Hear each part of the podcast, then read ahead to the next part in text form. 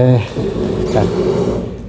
Dzisiaj dla Państwa nie mam żadnego, em, powiedzmy, e, ćwiczenia, które by tutaj mogło krążyć i em, na którym można by się przyjrzeć, ale, ale zapraszam do zajęć, e, na, tak powiem, wyjściowych czy na zewnątrz, e, ponieważ maczałem palce w e, wystawie, która wybitnie rozszerza wyobraźnię. W Muzeum Literatury przyniosłem na zrobienie apetytu e, katalog. Wystawa e, takiego dziwnego stadła, e, które się na, nazywało Leonor Fini. Była malarka urodzona w Argentynie, ale triestenka, mieszkająca zresztą znaczną część życia w Paryżu. E, I Konstanty Jeleński, czyli kot, jak wiadomo, jeden z filarów kultury paryskiej.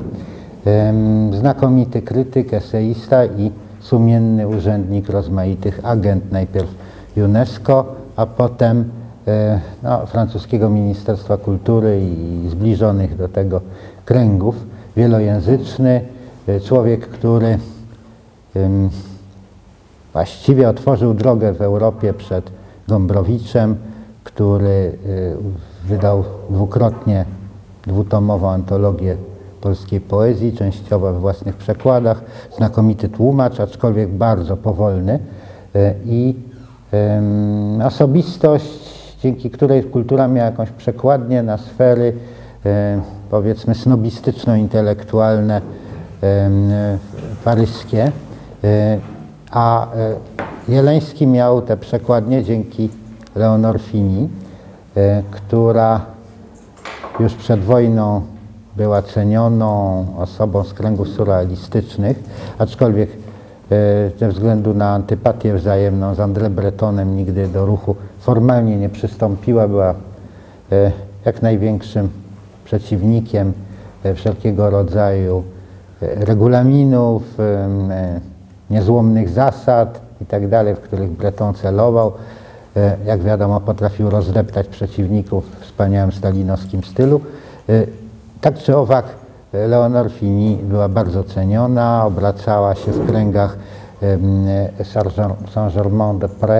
w- no tam przecież tkwili jej modele, arystokratyczne osobistości, które portretowała i z tego żyła, a oprócz tego zdumiewała wszystkich fantastyczną wyobraźnią, wyobraźnią zarówno znającą wykładnie w e, malarstwie e, i w grafice, jak i w stylu życia, w, e, zwłaszcza w przebraniach, w maskach, które wprowadziła zaraz po wojnie.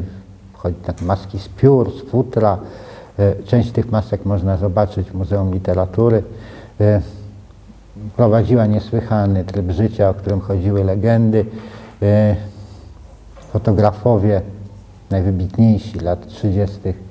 i e, 50. jak Man Ray, jak, jak, jak e, Dora Maar, kochanka Picassa, e, ją z e, Brassai, ją fotografowali w rozmaitych strojach i pozach. E, No a w apartamencie, który zajmowała, w którym kot miał swój skromnie wydzielony e, e, gabinecik i sypialenkę, e, a także drugi jej kochanek Stanislao Lepri, Markis, też miał jakąś swoją ciupkę. Urzędowała na trzech piętrach w otoczeniu swojego i cudzego malarstwa oraz w uderzeniu bodajże do 18 kotów. Co prawda Hemingway na Key West miał 50. No ale 18 kotów to jest dużo nawet jak na Paryż. Ona zresztą y, znaczną część twórczości im poświęciła, malowała je y, i y, poświęcała im własną taką mitologię. W starszym wieku zaczęła pisać, pisała baśnie o kotach, całkiem udane, nietłumaczone na polski. Y, y, Wszystko razem było kompletnie odlotowe, kompletnie magiczne i ekspozycja w Muzeum Literatury z jej wspaniałymi fotosami, a była kobietą efektowną,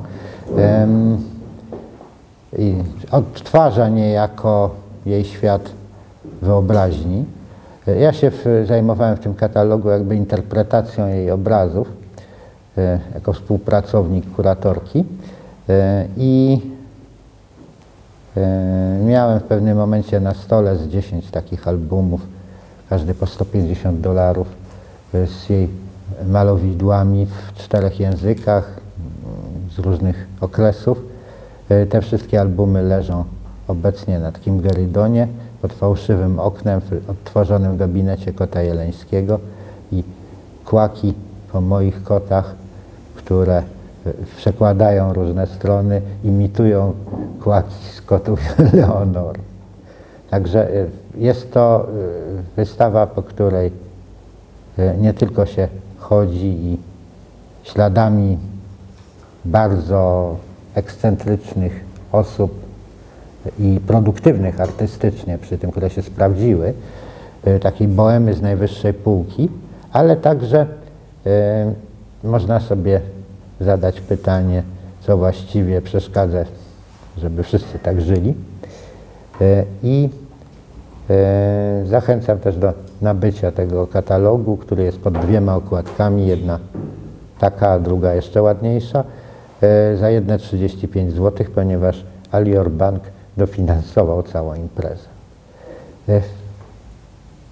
Wspominam, wspominam o, o, tym, o tych sprawach e, związanych z e, trybem życia i osobistością, czy osobowością Leonor, ponieważ e, kot jeleński e, traktował ją jako dzieło sztuki. E, I jest to bardzo godne polecenia, podejście do bliźnich. Ja mam takie, wy- wycelowałem sobie swoje obiektywy na parę osób, które tak właśnie traktuje i czasem zdarza się, że pytają mnie ludzie, czy on cię nie drażni. Nie, odbierany estetycznie nie drażni oczywiście. E, e, I e, z tej właśnie racji tak sobie myślę, że dzielę, nie powiem właściwie brzmi to nieskromnie, za co przepraszam, że dzielę z Jeleńskim takie podejście, które już przed stu laty czy więcej, chyba Hipolitę y, wyraził w aforyzmie, że y, krytyka literacka, artystyczna to są przygody duszy wśród arcydzieł. Niektórzy nasi bliźni też są arcydziełami, prawda? Y, I no cóż, duszy, jak mówią niektórzy, nie ma. E, Arcydzieł też podobno już nie ma, to znaczy w tym sensie, że kategoria arcydzieła razem z kategorią piękna zostały wygnane z e, refleksji o sztuce, ale przygoda została, prawda? No więc e, nie wnikając w e, zawiłości współczesnej estetyki, można nadal oddawać się takiemu właśnie kontemplacyjnemu trybowi życia, przy czym te kontemplacje są jednak dosyć aktywne i zastępują mi na przykład podróże. A, przy, przy okazji puszczę w obieg jeszcze jedną rzecz, o której opowiadałem ostatnio która też była kawałem przygody. Proszę zajrzeć do tej książki. Jest to jedna z najbardziej niezwykłych książek, jakie powstały. E, Nie tylko dlatego, że ma taki kształt typograficzno-edytorski, ale także, jak mówiłem, ze względu na, e, na to, że zawiera więcej potencjalnych tekstów niż ludzkość ich wyprodukowała od początku swego istnienia. Natomiast dzisiaj chciałem opowiedzieć o paru rzeczach.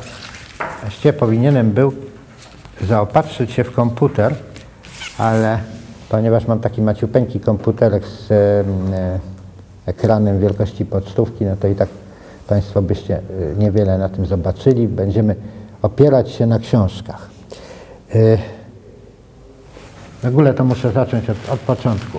Trzeci początek. Niestety tak się złożyło, znaczy dla mnie na szczęście, ale dla Państwa niestety, że wyszła moja kolejna książka. Wreszcie, długo oczekiwana. E, No i tutaj no to jest jednak ciężki kawał bucha zadrukowanego niesłychanie gęsto. I, i e, no tutaj są te różne moje przygody z ostatniego okresu niesłychanie e, ciasno upakowane. I tak sobie myślę, że gdybym próbował relacjonować coś, co tu już jest napisane, to bym e, miał taką przygodę, jaką miałem przed laty 30 paru, kiedy e, prowadziłem zajęcia w czymś, co się nazywało Warszawski Uniwersytet Powszechny. Takie wieczorowe kursy chyba przygotowujące, czy do matury, czy do egzaminu wstępnego na studia.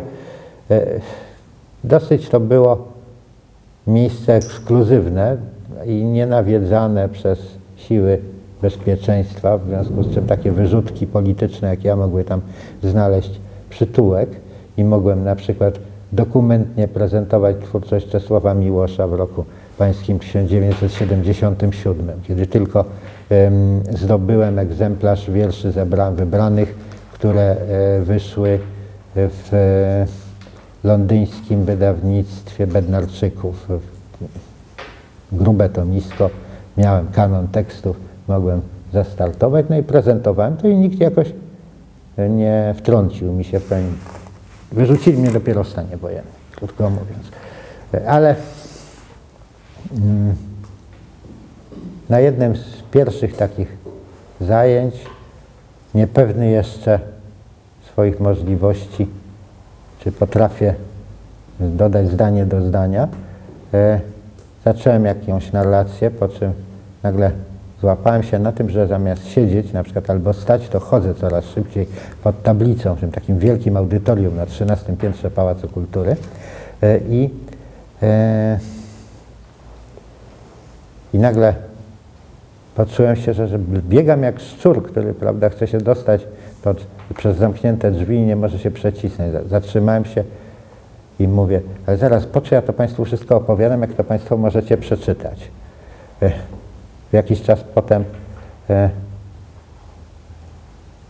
w trakcie kolejnego wątku nagle przerwałem i powiedziałem, zaraz ja to, po co ja to Państwu czytam, jeżeli ja e, mogę to wszystko opowiedzieć własnymi słowami. No i tutaj jest taki problem, że znaczna część jest już napisana, różnych moich przygód, to są opisy dużo doskonalsze niż mógłbym je zrelacjonować w mowie. No i do tego muszę odesłać.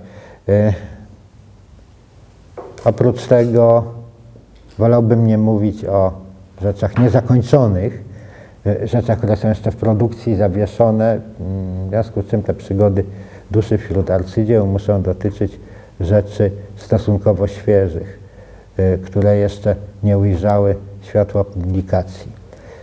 Notabene e, moja przygoda i Państwa, mam nadzieję, przygoda z mm, mieszkaniem Jadwigi Witkiewiczowej z naszego ostatniego spotkania w piątek ujrzy światło dzienne na elektronicznych łamach e, pisma internetowego Dwutygodnik. Także z takich opowieści, które e, moim zdaniem wybitnie e, wskazują na awanturniczą wyobraźnię tego, kto je przeżył. E, ostatnio przytrafiła mi się historia związana z Brunonem Schulzem. O Brunonie Schulzu będziemy tu jeszcze mówić.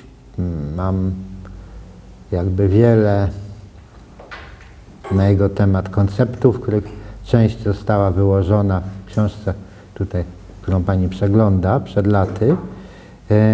Książce, którą wyprodukowałem na zapas, ponieważ wiedziałem jako redaktor tej serii, że prędzej czy później któryś z autorów mi nie, nie dotrzyma terminu. Więc musi być coś w zapasie. No ale jak mogłem y, komuś zlecić pisanie książki na zapas, nie wiedząc, czy seria na przykład nie zostanie y, zawieszona i nie wejdzie do produkcji y, w ostatniej chwili, co się mogło zdarzyć, bo to się takie rzeczy zdarzają przy wydawnictwach komercyjnych i nie tylko. W związku z czym jedyną, jedynym wyjściem było napisać coś samemu. No ale przecież nie będę pisał o prawdziwym malarstwie, nie będąc historykiem sztuki z prawdziwego zdarzenia i tak dalej. W związku z czym y, uznałem, że no, Bruno Schulz, który był właściwie tylko rysownikiem, bo dzieło malarskie zaginęło, prawda, bardziej pisarzem, trochę ilustratorem, no będzie w sam raz. Skutek jest taki, że jak na Grzegórzkach wchodzę na największy w Polsce plitarg fanta- z fantastycznymi książkami y, również, a oprócz tego rozmaitymi e, bibelotami. To jest w Krakowie zawsze w niedzielę i tak jak się przyjdzie o 10, to już właściwie można sobie darować. Trzeba być o 7 rano. Więc trzeba z soboty na niedzielę w Krakowie prze, gdzieś- przenocować. To witam mnie szpaler tej książki, która miała 70 tysięcy nakładu. E, I e, oczywiście dla turystów z Izraela po 50 zł za egzemplarz. Ale y, oczywiście przyznaję się do tego, co jest w środku, nie tylko do, do ilustracji, które skanowała moja żona z oryginałów. Zrobiła to tak, jak po prostu takich reprodukcji nigdzie jeszcze nie było, y, ale także y, z tego względu, że wewnątrz jest wyłączona pewna teoria y, i pogląd ogólny na twórczość graficzną i nie tylko Brunona Schulza, o której opowiem kiedy indziej. Po nitce do kłębka, czy jak mawiał Witkacy, po nitce do pępka,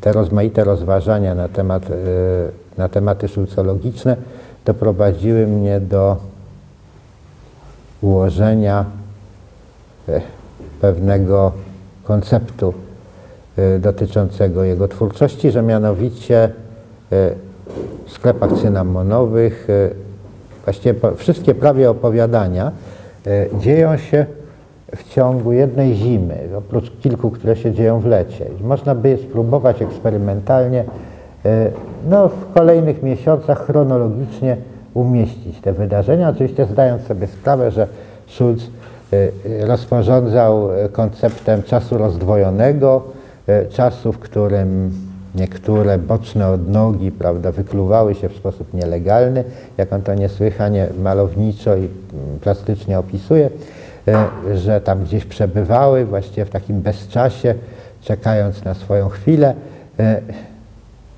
A zatem bardzo to jest typowe dla e, psychologii wspomnień z dzieciństwa, kiedy niektóre wydarzenia e, jakby rozgrywają się równolegle, trudno je rozdzielić, co było wcześniej, co było potem. Można to nazwać czasem dachówkowym. Te rozmaite wydarzenia się na siebie częściowo nakładają. Więc biorąc te wszystkie zastrzeżenia, e, zacząłem taką pracę rekonstrukcyjną, która miała ewentualnie mi pokazać, może by się udało stwierdzić tak na intuicję, a może by się znalazły jakieś świadectwa, które opowiadania były wcześniejsze, które późniejsze. Y, No, nie, nie zagłębiając się w to stwierdzę tylko, że nagle zrobiłem y, spostrzeżenie, po którym się uniosłem pod, sufit i lewitowałem dłuższą chwilę, że y, przynajmniej jedno opowiadanie daje się ulokować w czasie kalendarzowym, w czasie, w czasie zewnętrznym wobec tej prozy, czyli historycznym. Ja nie wiem, czy o tym nie opowiadałem. Nie opowiadałem? Czy opowiadałem? Nie opowiadałem. No to opowiem. E, Mianowicie e, jest, e, jak Państwo pa- pamiętacie, taka wspaniała scena, kiedy jak to zwykle bywało przed I wojną światową, a i w okresie międzywojennym, w domach średniozamożnych, mieszczańskich e, pojawiała się ekipa damska, szwaczek i obszywała e, całą rodzinę na nadchodzący rok, zwłaszcza na lato, prawda? Tam pojawiały się zatem jakieś żurnale mód, pojawiały się materiały, maszyna do szycia Zingera, jakieś e, utensylia krawieckie e, i manekin do drapowania tych e, wykrojów i strojów e, i e, zajmowało to tydzień, dwa tygodnie, trzy tygodnie. W tym przypadku, w przypadku Szulca było to o tyle jeszcze na dodatek wzbogacone, że piętro niżej znajdował się, jak Państwo wiecie, sklep bławatny ojca Brunona, gdzie oczywiście materiałów nie brakło i można było czerpać do woli z tego zasobu. E, I e, taki epizod e, zajmuje kilka opowieści z sklepów cynamonowych, przy czym jednak oczywiście nie tyle czynności krawieckie dwóch zaproszonych czy wynajętych szwaczek odgrywają tym główną rolę, tylko fakt, że te seanse krawiecczyzny, nawiedza ojciec, główna postać, główny taki mag, cudotwórca, trochę, trochę alchemik e, w dziele Brunona Schulza, jakoś tam wzorowany na jego historycznym ojcu, prawdziwym. No i ten ojciec e, szwaczką zajętym swoją robotę wykłada niesłychanie subwersywne, heretyckie e, i niekonwencjonalne poglądy filozoficzno-ezoteryczne na naturę materii i zasady, jakie powinny towarzyszyć twórczości. Jest to wykład zwący się traktatem o manekinach, ponieważ jakby korzystając i pod patronatem tego manekina krawieckiego, który stoi w jadalni przekształconej na pracownię wieczorem, e, ojciec e, czerpie natchnienie i mówi, że po tej wspaniałej twórczości, którą demiurg, kreator, czyli jak możemy się domyśleć, Bóg starotestamentowo-nowotestamentowy, Bóg wielkich religii monoteistycznych, podjął tej, tej wielkiej kreacji, która doprowadziła do stworzenia świata. My, jego naśladowcy, również powinniśmy się śmiało zdobyć y, na działalność twórczą, działalność kreacyjną, ale ponieważ nie jesteśmy wszechmocni, musimy działać na materii podlejszego rodzaju. Nie możemy stwarzać z niczego, musimy stwarzać z czegoś, co już było stworzone. Naszym, naszym zadaniem jest przetwarzanie, naszym, e, naszą, naszym dziełem będą istoty ułomne, takie jak ten manekin, albo jak marionetki, albo jak jakieś kukły, e, które są z tyłu, z przodu tylko mają wymalowane twarze i wymodelowane rysy, e, a z tyłu są zaszyte białym płótnem, albo, albo płótnem workowym, albo pomalowane farbą, byle jak, podparte podpórką, wykonane tylko na potrzeby jednego gestu albo jakiejś krótkiej roli, a potem odstawiane do zapajęczonego kąta. Cały ten wykład podzielony jest na trzy etapy, trzy części traktatu o manekinach, ale jest jeszcze część pierwsza, wstępna, która się po prostu, jest to opowiadanie, które się nazywa manekiny. I tu dochodzimy do rzeczy, mianowicie w opowiadaniu manekiny y, ta informacja dodatkowa zostaje udzielona czytelnikowi, że ojciec pojawił się na, na tych krawieckich, powiedzmy, seansach y, w sposób niespodziewany, ponieważ śmiertelnie się był obraził jakiś czas wcześniej za swoją poprzednią próbę, mm, tym razem nie teoretyczną, ale praktyczną, nielegalnej twórczości, mianowicie zaczął hodować ptaki. I rzeczywiście jest takie opowiadanie. Ptaki, ojciec tknięty jakimś dziwnym impulsem, sam zaczął się po trosze upodabniać do ptaka, zaczął podskakiwać, zaczął przesiadywać na drabinach, coś majstrować przy karniszach i na E, przy, przy takich e, na ozdóbkach sufitów. Znajdowano go nieraz śpiącego na szafach. E, jak wiadomo, to są opowiadania fantastyczne. I skończyło się to tak, że sprowadził wielkim nakładem kosztów i trudu z zagranicznych różnych krajów dziwne bardzo jaja rozmaitych egzotycznych ptaszysk po czym zajął się ich wysiadywaniem. I rzeczywiście ptaki się wylęgły z tych dziwnych, brudnych jaj, które z, przyszły z zagranicy z, w pudłach z napisami Vorsicht Eier, prawda, nie, nie przewracać, e, opakowane w trociny i, i e, rzeczywiście wylęgła się wielka ilość ptaków. Te ptaki E, na początku zamieszkiwały no, salon, duży pokój, potem zostały przepędzone, ponieważ strasznie paskudziły i hałasowały na strych. Tam jakiś czas ojciec spędzał z nimi e, większą ilość czasu. W końcu pewnego pięknego dnia zirytowana tym wszystkim służąca Adela, która jest taką, takim wcieleniem kobiecości energetycznej i dominującej, weszła na ten strych z miotłą, otwarła okno strychowe i wszystkie ptaki wypędziła. To nie jest koniec historii tych ptaków, ale e, na tym możemy e, na razie poprzestać. Otóż ojciec śmiertelnie się obraził i tutaj wersje się roz, e, rozwijają, mianowicie w jednej z tych wersji albo porzucił sklep i rozpoczął pracę w roli um, wędrownego komiwojażera i tylko czasami nocą wpada na kilka godzin do domu, wtedy kiedy narrator, czyli mały Józef śpi. E, albo też prowadził się na sam koniec korytarza, gdzie istnieją takie pokoje, do których nikt nie zagląda, gdzie nikt nie mieszka, wynajmowane czasem, ale w, tej, w tym momencie akurat nie były wynajmowane i ojciec tam zamieszkał i złośliwie nie przychodził na obiady. I tutaj jesteśmy w punkcie zerowym dopiero. E, mianowicie właśnie jest taki obiad, e, tam gdzieś stłoczone pod ścianą e, jadalni, e, już te wszystkie krawieckie utensylia są przygotowane. Ojciec nie przychodzi na ten obiad, ale przychodzą oczywiście subiekci ze sklepu.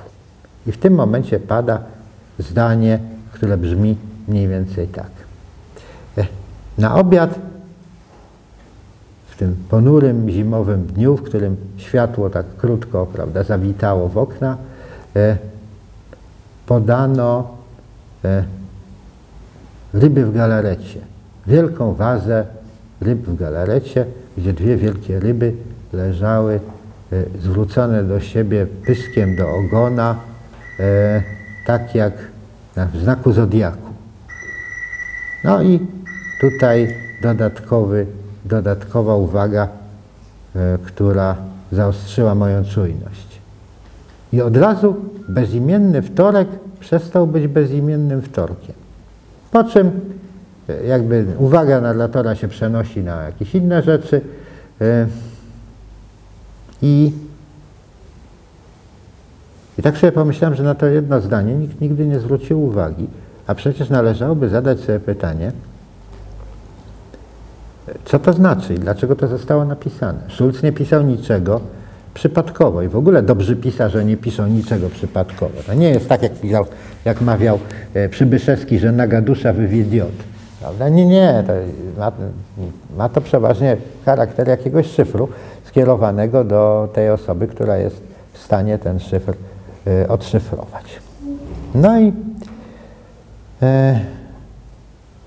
pomyślałem sobie tak, a pamiętam, żona mi opowiadała później, że latałem po mieszkaniu i zaglądałem to do jakiejś encyklopedii, to do internetu, prawda, to, to drapałem się w głowę, to podskakiwałem i w ogóle to był jakiś niesłychany widok, bo kolejne fazy rozwoju idei w ciągu jakiegoś pół godziny tak cykały mi w głowie, tak jak, jak, jakby ktoś strzelał z kapiszonu, prawda? Pyk i ciąg dalszy, krok dalej, jestem stopień wyżej, jestem stopień wyżej, jestem stopień wyżej. Aż w pewnym momencie z internetu wychynęły aż dwa na wszelki wypadek e, e, wieczne kalendarze, e, które pozwalają doskonale ustalić dzień tygodnia, kiedy się ma datę jakiegoś wydarzenia historycznego, czy na przykład zburzenie Bastylii, prawda, w jakim dniu tygodnia. Prawda? Ciekawe, prawda?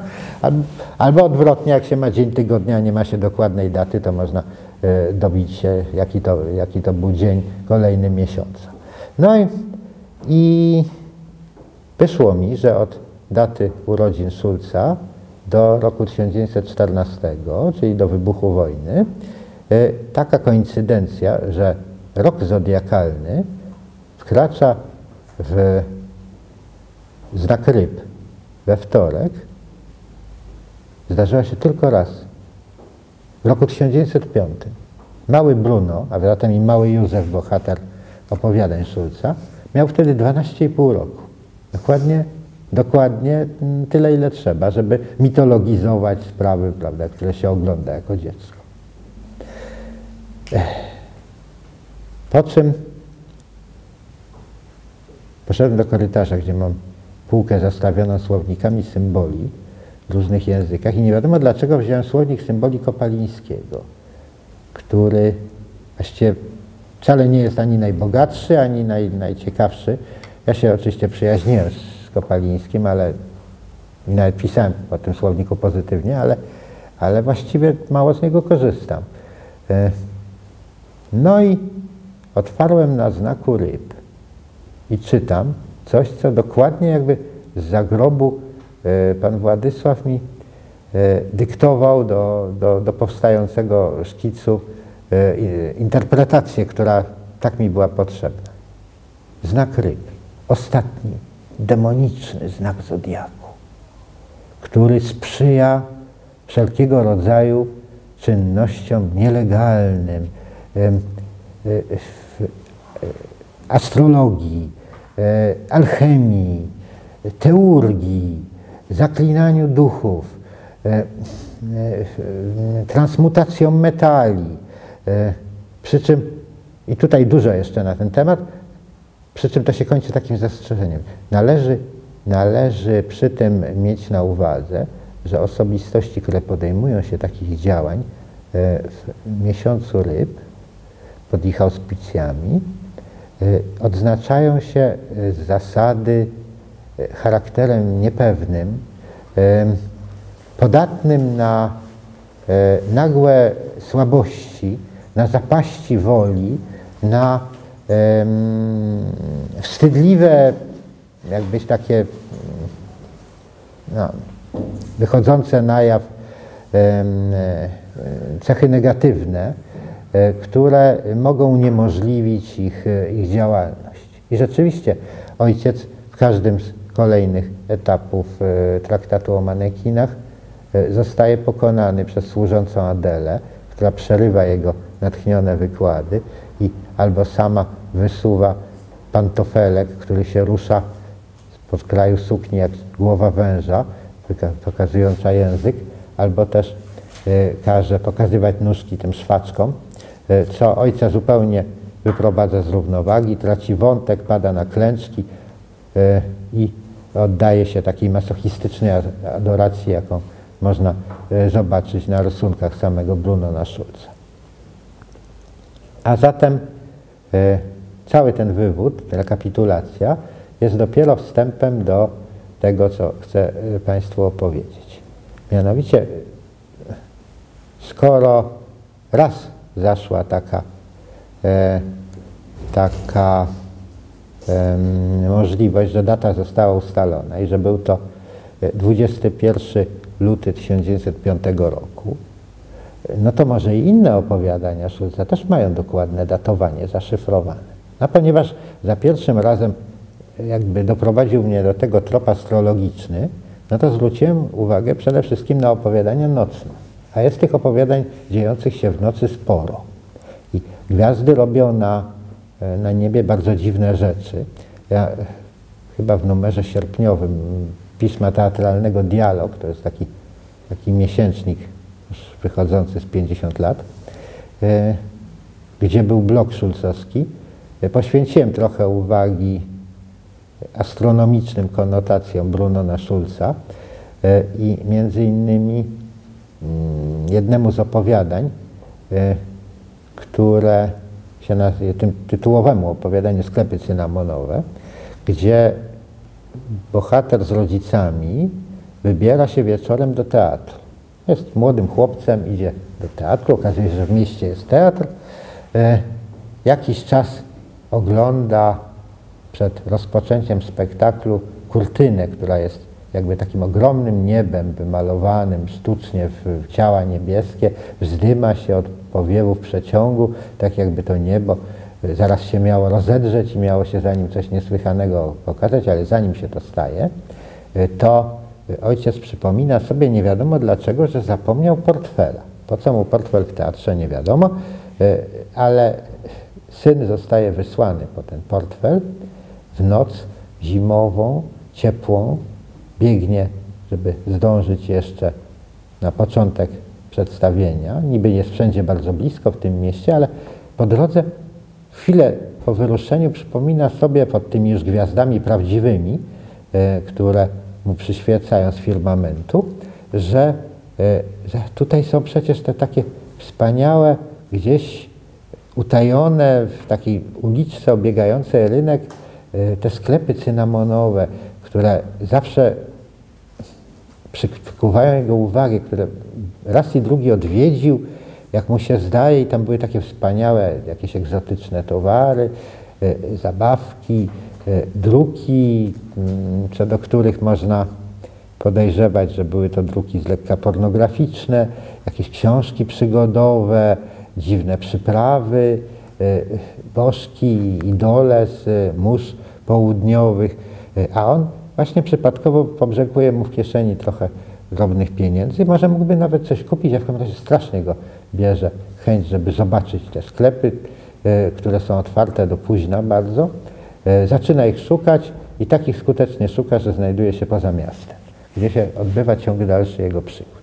Ale to wyjście poza miasto jest bynajmniej nie, nie pozbawione elementu przygody. Mianowicie, szukając sklepów cynamonowych, nagle okazuje się, że e, znajduje się przed ogromnym budynkiem, w którym pali się jedno czy dwa światła i otwarte są drzwi wejściowe. I nagle się orientuje e, e, bohater opowiadania, że to jest jego gimnazjum, w którym o tej porze odbywają się, to, jak Państwo widzieliście zdjęcia z Drohobyczu, to jest olbrzymi gmach, ten, e, to, to gimnazjum e, Władysława Jagieły, w którym mieści się teraz cały Uniwersytet Pedagogiczny e, Drohobycki i jeszcze miejsce jest. w każdym razie to monumentalny budynek, wzniesiony gdzieś w latach 80. XIX wieku, który pokazuje, jaki był poziom szkolnictwa w Galicji i i odbywa tam swoje lekcje rysunku wieczorowe dla amatorów, dla chętnych.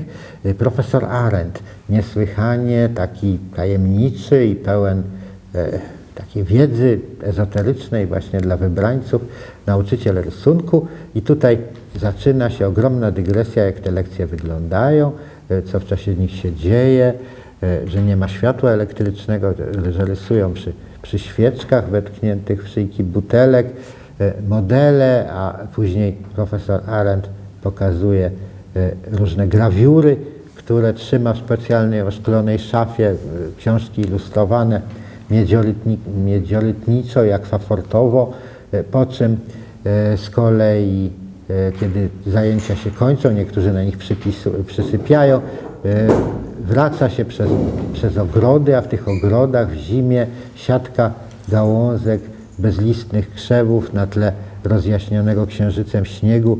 Przypomina sama te grawiury i, i, i akwaforty, i akwatinty, i odpryski, i inne techniki graficzne. I z kolei niektórzy tam palą, jak się można domyślić, papierosy, inni rozmawiają, inni oglądają gwiazdy, jeszcze inni próbują się przedrzemać na tym ciepłym śniegu, takim już właściwie letnim ciepłym śniegu, to mieszają się ze sobą pory roku, wszystko zaczyna zakrawać fantasmagorię, aż my, czytelnicy, zapominamy, że to jest tylko wspomnienie, ponieważ bohater, owszem, do szkoły wchodzi, ale wcale na lekcję profesora Arenta tym razem nie idzie, tylko postanowił, że sobie w ten sposób skróci drogę do domu, przeszedłszy przez budynek, na wylot, czego nigdy nie robił. Ale kusi go ten, ta idea, ponieważ widzi, że jest otwarte e, wyjście tylne do gimnazjum, które nigdy otwarte nie bywa. I nagle idąc w stronę tego wyjścia, które tak jak to w snach bywa, coraz się to bardziej oddala, e, przekonuje się, że jest w prywatnych apartamentach dyrektora, które jeszcze, jeszcze trochę są salonami recepcyjnymi samej szkoły, E, jeszcze tam czasami się odbywają jakieś uroczystości, ale coraz bardziej to jest prywatne mieszkanie. I cóż by się stało, gdyby tak na przykład córeczka dyrektora, która e, e, można się domyśleć bardzo efektowne dziewczę, przy, przypadkiem zastała ucznia, który co on tu robi, prawda, o tej porze, prawda, zagubiony i żeby go nie przyłapano, zaczyna się coraz bardziej skradać, aż w pewnym momencie widzi, że już jest uratowany, ponieważ część tych salonów, amfilat i e, pomieszczeń takich jakichś przypominających trochę oranżerię e, ze szklanymi ścianami. E, już nie ma przed niej w ogóle ściany, tylko e, graniczy po prostu z ulicą i część mebli, jakieś stoły z krzesłami i etażerki stoją bezpośrednio na bruku ulicznym. I nagle znajduje się na ulicy, ale już poza miastem. W ten sposób wydostaje się spod tego kosmicznego klosza, klosza gwiezdnego, tej półkuli, prawda, takiej, e, jaką opisywano e, w teoriach opartych na, na teorii Ptolemeusza, spod tej, spod tej e, prawda, sfery i, e, i spotykają go różne przygody, nieważne już jakie. Do miasta w końcu wraca, ale ważne jest to, że kiedy jeszcze biegnie e, przez budynek szkolny, to wkracza do pomieszczenia, w którym e, prawdopodobnie, no to wszystko się odbywa tak na, na takiej zasadzie, którego jakoś inspiruje do obrazu, który zaraz potem narzuca mu widok gwiazd. Mianowicie, mianowicie patrzy na gwiazdy i wyobraża sobie, wszyscy dotąd myśleli, że to ma jakiś związek z, głównie z tym wyobrażeniem renesansowym, że sfery niebieskie są wielkimi sferami z kryształu, które każda, prawda, nosząca symbol e, jakiejś, jakiegoś ciała niebieskiego, e, które jest, prawda, z planet i e, Słońca oraz sfery gwiazd stałych poruszają się z różnymi szybkościami. Światło przenika oczywiście przez nie bez przeszkód i w czasie tego ruchu wydają dźwięk, dźwięk wywołany ich ocieraniem się wzajemnym, który układa się w przedziwny akord zwany harmonią sfer. Jak ktoś jest bardzo wysoko posunięty w e, ezoteryce albo e, w życiu kontemplacyjnym, albo w pobożności, to może posłyszeć w szczęśliwej chwili taką harmonię sfer. I tak trochę jakby wygląda to niebo, ponieważ jest całe zmaterializowane, te przestrzenie czarne międzygwiezdne stają się czymś nieomal namacalnym, tak jak, jak szkło wodne jest bardziej namacalne od powietrza, prawda? Zupełnie przezroczyste, ale jednak jakoś e, ucieleśnione. E, I tutaj ucieleśnienie zaczyna przypominać szkło, kryształ, promienie świetle po tych kryształach się przesuwają, świecą, e, światłem refleksji odbitym z jednego E, jednej wypukłości przerzucającej się na drugą, budzącą w niej coraz głębsze refleksy, a pod tymi pokrywami szklanymi coś jakby majaczy, jakieś, nie, jakieś kształty, może to są kształty, a może to jest jakaś jakiś kolejny ośrodek, w którym światło inaczej się, inaczej się rozchodzi, coś jakby jakaś plazma międzygwiezdna, coś przypominającego ni to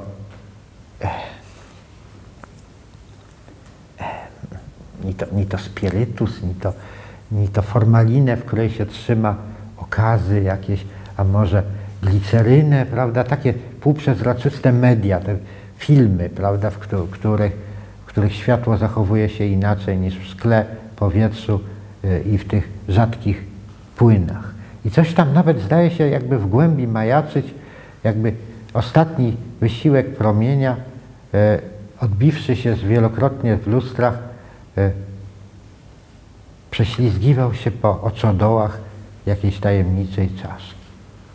Całe zdanie, bardzo rozbudowane jako Szulca, liczę może 5-6 linijek druku i z dwóch takich zdań, czy dwóch i pół, składa się cały opis, który zwrócił moją uwagę, ponieważ e, od tych sfer niebieskich e, jakby myśl moja się przerzuciła na szkołę, E, I przypomniałem sobie pewien, pewną matrycę takiego wydarzenia poetyckiego, która, e, które miało miejsce pod piórem wybitnego francuskiego poety w latach 80. XIX wieku. Mianowicie Stéphane Mallarmé napisał taki bardzo osobliwy wiersz, który właściwie pozostawił bez tytułu, ale który się roboczo nazywa sonetem na X, ponieważ wszystkie rymy y, są rymami na literę X. E, oczywiście we francuskim znacznie łatwiej e, osiągalnym niż e, w języku polskim. E, otóż w tym sonecie treść, którą można z wielkim trudem wydestylować z metafor e, tego symbolistycznego wielkiego poety, jest taka, że promień świetlny e, wkrada się przez okno do pewnego apartamentu, w którym jest niesłychanie dużo rozmaitych bibelotów, no ze schyłku XIX wieku, powiedzmy, że secesyjnych.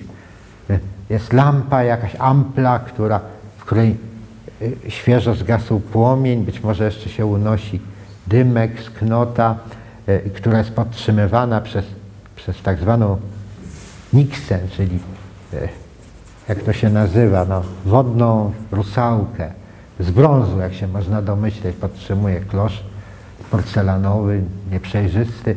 Są tam jakieś meble rzeźbione, po tych rzeźbach, wypukłorzeźbach się y, ten promień prześlizguje i tak przebiega tę całą salę, to odbiwszy się gdzieś y, o, od jakiegoś szkła, to, y, to właśnie nabrawszy rozpędu na jakimś polerowanym hebanie, żeby odbić się w lustrze i wtedy się okazuje w tym wielkim lustrze pustym, które niczego nie zawiera oprócz tego odbicia, wychodzi, że jest, są to siedmiorakie gwiazdy, septuor, czyli wielka niedźwiedzica. Promień wielkiej niedźwiedzicy obiega zatem to pomieszczenie y, i tak jakby szukał, szukał samego lokatora, którego zabrakło. To jest pokój pusty, bez mieszkańca. A dlaczego nie ma mieszkańca? Ponieważ mieszkaniec zabrał pewien przedmiot blatu kominka i wyszedł. Ten przedmiot, który zabrał, jest przedmiotem niewyobrażalnym. Być może sklepy cynamonowe miały go w swojej ofercie. Nazywa się z egipska ptix. I ten ptix to jest, no nie wiadomo co, jakieś naczynie chyba, prawda? Ponieważ y, poeta go zabrał, żeby nabrać łez z wód styksu. Styx i styx się oczywiście ślicznie rymują y, i y, no i dlatego poety nie ma i nie ma również tego najważniejszego melancholijnego naczynia, wokół którego jest osnuta cała akcja, bo to jego chyba szuka ten promień, żeby się w, tym, w tych łzach zatopić. Może jakieś, jakaś, jakieś wspomnienie jakieś miłosnej utraty jest tutaj zaszyfrowane. Y, oczywiście nie, jest nie jesteśmy tego y, wcale pewni, ale wiersz był do tego stopnia sławny, że jego e, refleks, bo tu cały czas mówimy o refleksach, i niematerialnych i trudnych do uchwycenia e, takich odbiciach. Jakbym chciał być gruboskórny, to bym powiedział, że tak sobie literaci wyjadają nawzajem z keksa rodzynki, ale e, tak to wygląda, że, że pewien, pewna idea poetycka czy konstrukcyjno-poetycka przenosi się z rąk do rąk do różnych krajów. Jakbym przeszukał na przykład symbolizm rosyjski, to ho, ho, to bym tam znalazł, ale, albo czeski, e, ale e, w tym przypadku refleks znalazł się w twórczości Tadeusza Micińskiego, jak to niespodziewanie wynalazłem, mianowicie w powieści Nietota, notabene tatrzańskiej, księdze tajemnej Tatr. E, jak wiadomo jest to e, powieść, która zawiera sporą ilość wierszy, które w pewnym momencie po prostu no, akcję zastępuje, blok wierszy jako taka osobna część książki. Otóż jeden z tych wierszy nie mający żadnego związku z fabułą, e, bez tytułu, składający się z trzech czterowierszy, zaczyna się od słów migocą, czar, e, migocą złote pomarańcze w odludnym czarnym salonie. I w tym odludnym czarnym salonie również ktoś wbiega i tańczy, bo pomarańcze i tańcze to się ze sobą rymuje. I potem E, ten promień wydostaje na ścianie jakieś, jakiś portret e, i zdaje się, że jesteśmy w jakimś otoczeniu nasuwającym myśl znowu o jakieś skojarzenia miłosne, o jakimś jęku jest mowa, który się, którego który jeszcze pobrzmiewa w tym pomieszczeniu, być może jęku miłosnym. E, z księżycem wbiegłem tu i tańczę. Tak się kończy. I teraz pytanie brzmi, kto wbiegł? Otóż jak ma się w pamięci Malarmego, no to można się domyślić, że właśnie wbiegł znowu promień świetlny w nocy, promień księżycowy, odbija się znowu w, tych, w tym kloszu z pomarańczami, jakoś go oblizuje i być może, być może e, dochodzi do wniosku, e, być, może, być może ten e, portret starca jakiegoś dostojnego, który wisi na ścianie, ledwo zamarkowany przez poetę, to jest portret cesarza Franciszka Józefa. Rozmawiałem na ten temat ze świętej pamięci Adamem Warzykiem 30 lat temu, który się fascynował tym wierszem i zadawali, zadawaliśmy sobie pytanie, gdzie się akcja dzieje e, i e, po jakimś czasie, kiedy drugi raz spotkałem się z Warzykiem, e, to on mówi, już wiem, wszystko się to dzieje w wiedeńskim burdelu, ponieważ tak mu właśnie wyszło, że to jest te, te jakieś obicia, te plusze czerwone, które tam się rysują. Ja, ja go pytam, czy, czy, czy w domu uciech mógł wisieć portret cesarza? W Wiedniu mógł. Tyle mogę na ten temat powiedzieć. W każdym razie, e, w każdym razie e, trop Nicińskiego e, jakby potwierdza, że tutaj u Szulca mamy do czynienia z czymś podobnym, za trzecim odbiciem, prawda? Mianowicie w tym widoku nieba, który nagle dostaje jakąś taką dwuznaczną, nienazywalną materialność, dla którego określenia brak jakby nam słów oznaczających konsystencję. Konsystencję zarazem nieuchwytną, a namacalną. No, no, no właśnie, no, brzmi to paradoksalnie, ale trudno to ująć. E, e, pierwowzorem jest pomieszczenie, którego widok został w, w głowie narratora, kiedy ten już ze szkoły wyszedł. Mianowicie e, gabinet przyrodniczy, pełen słojów, w których są rozmaite preparaty, e, jakieś tam, dajmy na to tasiemce, albo inne przewody pokarmowe, albo inne takie rzeczy, które oczywiście w szkole sprzed 100 lat być musiały, na lekcjach przyrody. Gdzieś tam w szafie z kryształowymi szybami, świeżo wypucowanymi. Stoją też jakieś inne słoje z innymi, może skały o błyszczących powierzchniach. Może, e, może tutaj wchodzą w grę też jakieś przyrządy optyczne, połyskują soczewki jakieś lunety albo heliografu, albo, albo okular mikroskopu, a może w ogóle pokazać, gdzieś tam w, jakiej, w jakiejś gablotce są takie utrwalone w, mm, w żelatynie e, czy w e, glicerynie preparaty tkankowe, które kiedyś pokazywanie czegoś takiego należało do kursu nauk przyrodniczych szkolnych. No i oczywiście te zwierciadlane powierzchnie, e, które są pozaokrąglane, może, może szkielet stoi w którejś z tych szaf, prawda, e, i po wypolerowanej powierzchni czaszki, po oczodołach się e, jeszcze raz to światło prześlizguje. I to wszystko odbija się jeszcze raz, zachowując sobie ten cień po widoku szkolnej sali i rzutowane jest przestrzeń kosmiczną, która nabiera kształtu takiej powiększonej, obejmującej cały widnokrąg, cały nieboskłon e, tej, tej sali lekcyjnej. Hołd dla szkoły i hołd zarazem dla e, wyobraźni stwarzającej coś z niczego, prawda? Bo e, stwarzanie materialności z czegoś, co jest tylko odbiciem, a więc tylko zjawiskiem no, świetlnym. A tutaj to światło jakoś się materializuje.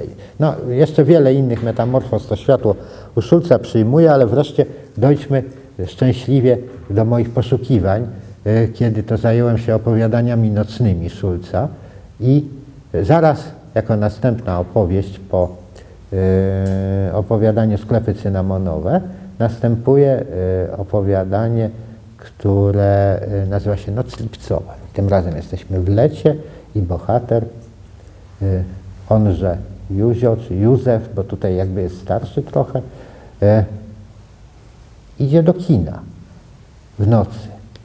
Muszą to być jakieś późne seanse, bo przecież dzień jest bardzo długi, y, ale jak wprost opowiadanie mówi,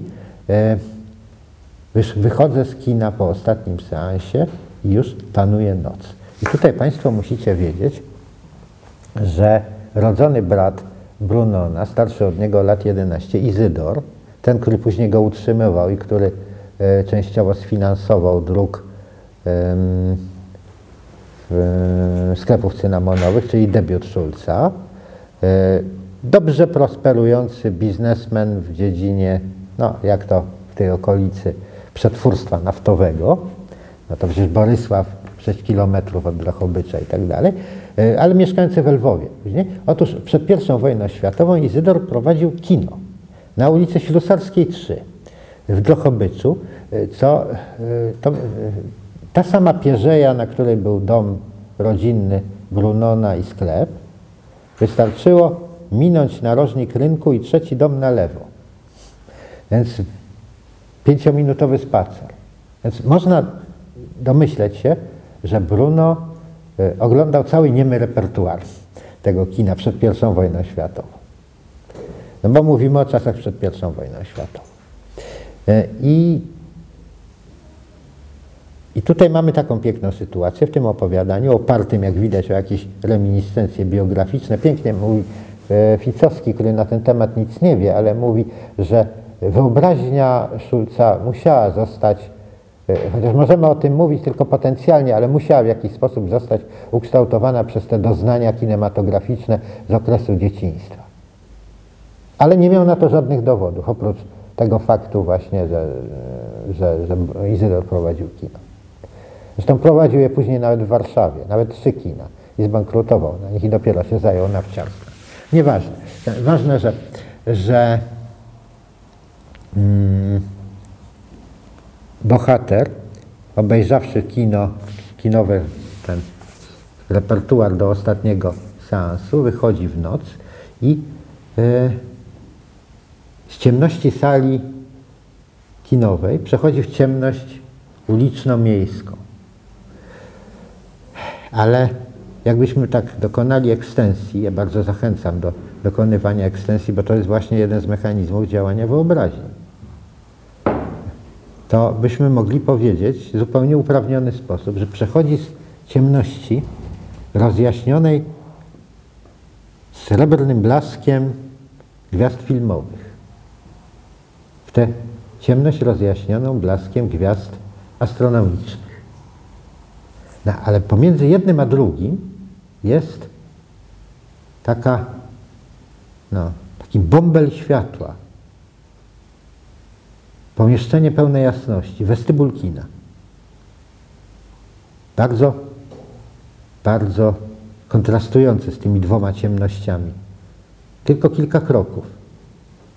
Tam gdzieś kiwa się i opiera się o ścianę strażak, bo to przecież taśma była nitrocelulozowa, więc strażak musiał być na miejscu. Tak jak w teatrze. Kasjerka już się zbiera do domu, prawda, też senna, Musi być już bardzo późno. I w tym momencie, kiedy bohater już, już zmierza do drzwi wejściowych, w tym momencie jego wzrok atakuje ogromny plakat kolorowy i tutaj pada nazwisko, na którym słania się Asta Nielsen, wielka aktorka filmu niemego.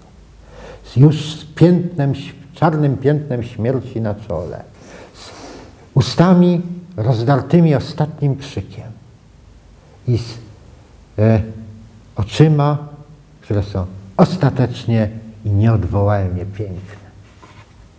Wspaniałe. Nie? No, a dla mnie bingo, myślę. Tak, znaleźć ten plakat i będziemy wiedzieli, jaki film oglądał e, mały Bruno, e, czy, czy, jego, jego e, alter ego w, w tym kinie i w którym roku to było. Tylko, że niestety Asta Nielsen Posters to jest firma duńska, dystrybuująca na cały świat plakaty filmowe. I jak się wpisze te trzy słowa w Google, to natychmiast wyskakuje ich oferta. Próbowałem taki siak, nie ma metody. W końcu stwierdziłem, że jak Kopciuszek będę od, odsiewał prawda, mak od popiołu. Trudno. I przejść... Trzeba napisać do nich. A, tam. Nie jest to jeszcze skończone, skończone dociekanie. Re, relacjonuje e, Państwu taki, takie jakby instatu na scendi, work in progress. E, e, na razie doszedłem do wniosku, że trzeba obejrzeć całą filo, filmografię Asty Nielsena. Bagatela nakręciła 70 filmów. I z tym, e, prawda, z poczuciem, że rzucam się, prawda, w głąb studni, otwarłem pierwszy Numer pierwszy e, w czymś, co się nazywa e, Internet Movie Database. I objawił mi się nagle zbiór zdumiewającą nazwą. Przepast. Rozumiecie coś z tego Państwo? Bo ja nie. Pierwszy film Asty Nielsen, jej rewelacyjny debiut, który zapewnił jej karierę wszechświatową, jak to się mówi, e, ma w tym takim najbardziej autorytatywnym i obiektywnym zbiorze danych o historii filmu polski tytuł. Czyżby mieli polską kopię? Przepast. I pod spodem tytuł duński Afgrunden. Czyli tak dobrze, dobrze przetłumaczony, otchłań. otchłań. W polskiej literaturze przedmiotu ten film występuje jako otchłań i miał e, 28 sierpnia 1910 roku miał w Kopenhadze premierę. E, pani Asta Nielsen, boska Asta, dostała za niego honorarium, przedtem aktorka teatralna, już nie całkiem nie młoda, bo z dziesięcioletnim dorobkiem, e, dostała za niego równowartość ówczesnych 60 dolarów, co było sporym honorarium, ale w rok później, kiedy ożenił się z nią jej reżyser, widząc jej możliwości filmowe, e, Urban Gad, notabene, nazywał się Urban Gad, ale to jest mało tego, bo ona się rozwiodła z nim po paru latach i wyszła za innego duńskiego reżysera, który z kolei nazywał się Gade. No powiedzmy, że to dygresja.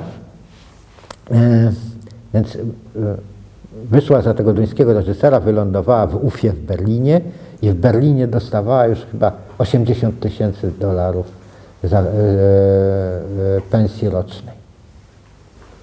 Czy, czy, coś kręciła, czy nie. A za, a za filmy e, dodatkowe, to, prawda, tak zwane F, e, za udział w produkcjach filmowych. Także stała się fantastyczną jakby rekordzistką w dziedzinie zarobków filmowych, pierwszą taką, przed Lilian Gish, prawda, przed, przed e, tą, jak ona się nazywała, ta, ta pani z Lipna, no, polska gwiazda Polonegri i tak dalej, i tak dalej. Ona była pierwsza po prostu, była pierwszą wielką gwiazdą filmową, słynącą z tych podmalowanych oczu, gdzie ona grała oczyma, bo przecież inne straszliwe oświetlenie na planie filmowym ówczesne, ówczesnym, kiedy były obiektywy mające mało światła, yy, powodowały, że, że rysy twarzy częściowo się zacierały i spłaszczały.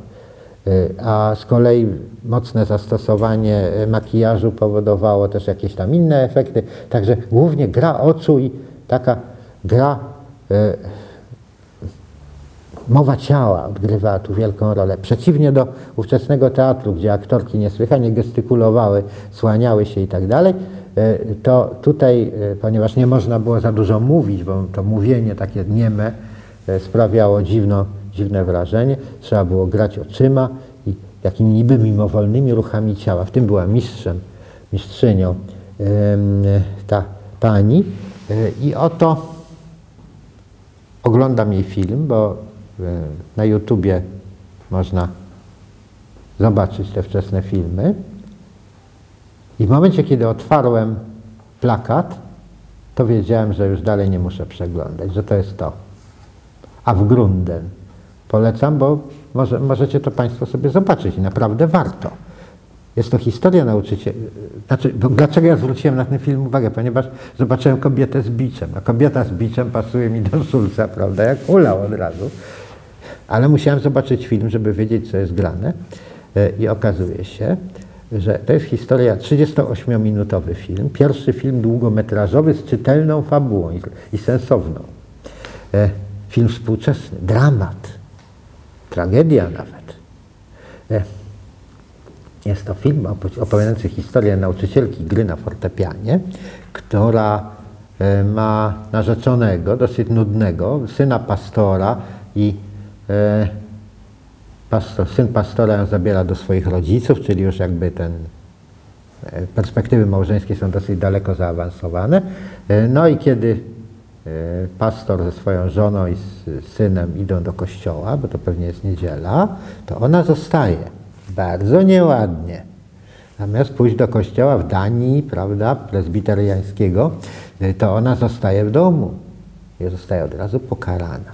Mianowicie pojawia się chłopak, kiedy już starsi, starsi państwo odeszli, wręcza jej plakat, taki roznosiciel tam dodatków gazetowych, wręcza jej plakat, że cyrk przyjechał. I rzeczywiście pojawia się sznur wozów cyrkowych i gwiazda tego cyrku mianowicie, to powiedzieć, no, aktor cyrkowy, grający rolę fałszywego gaucho, czyli kowboja południowoamerykańskiego. Wygląda mniej więcej tak samo jak kowboj e, z filmów kowbojskich, tylko ma sombrero i takie idiotyczne dzwoneczki na zewnętrznych spodni.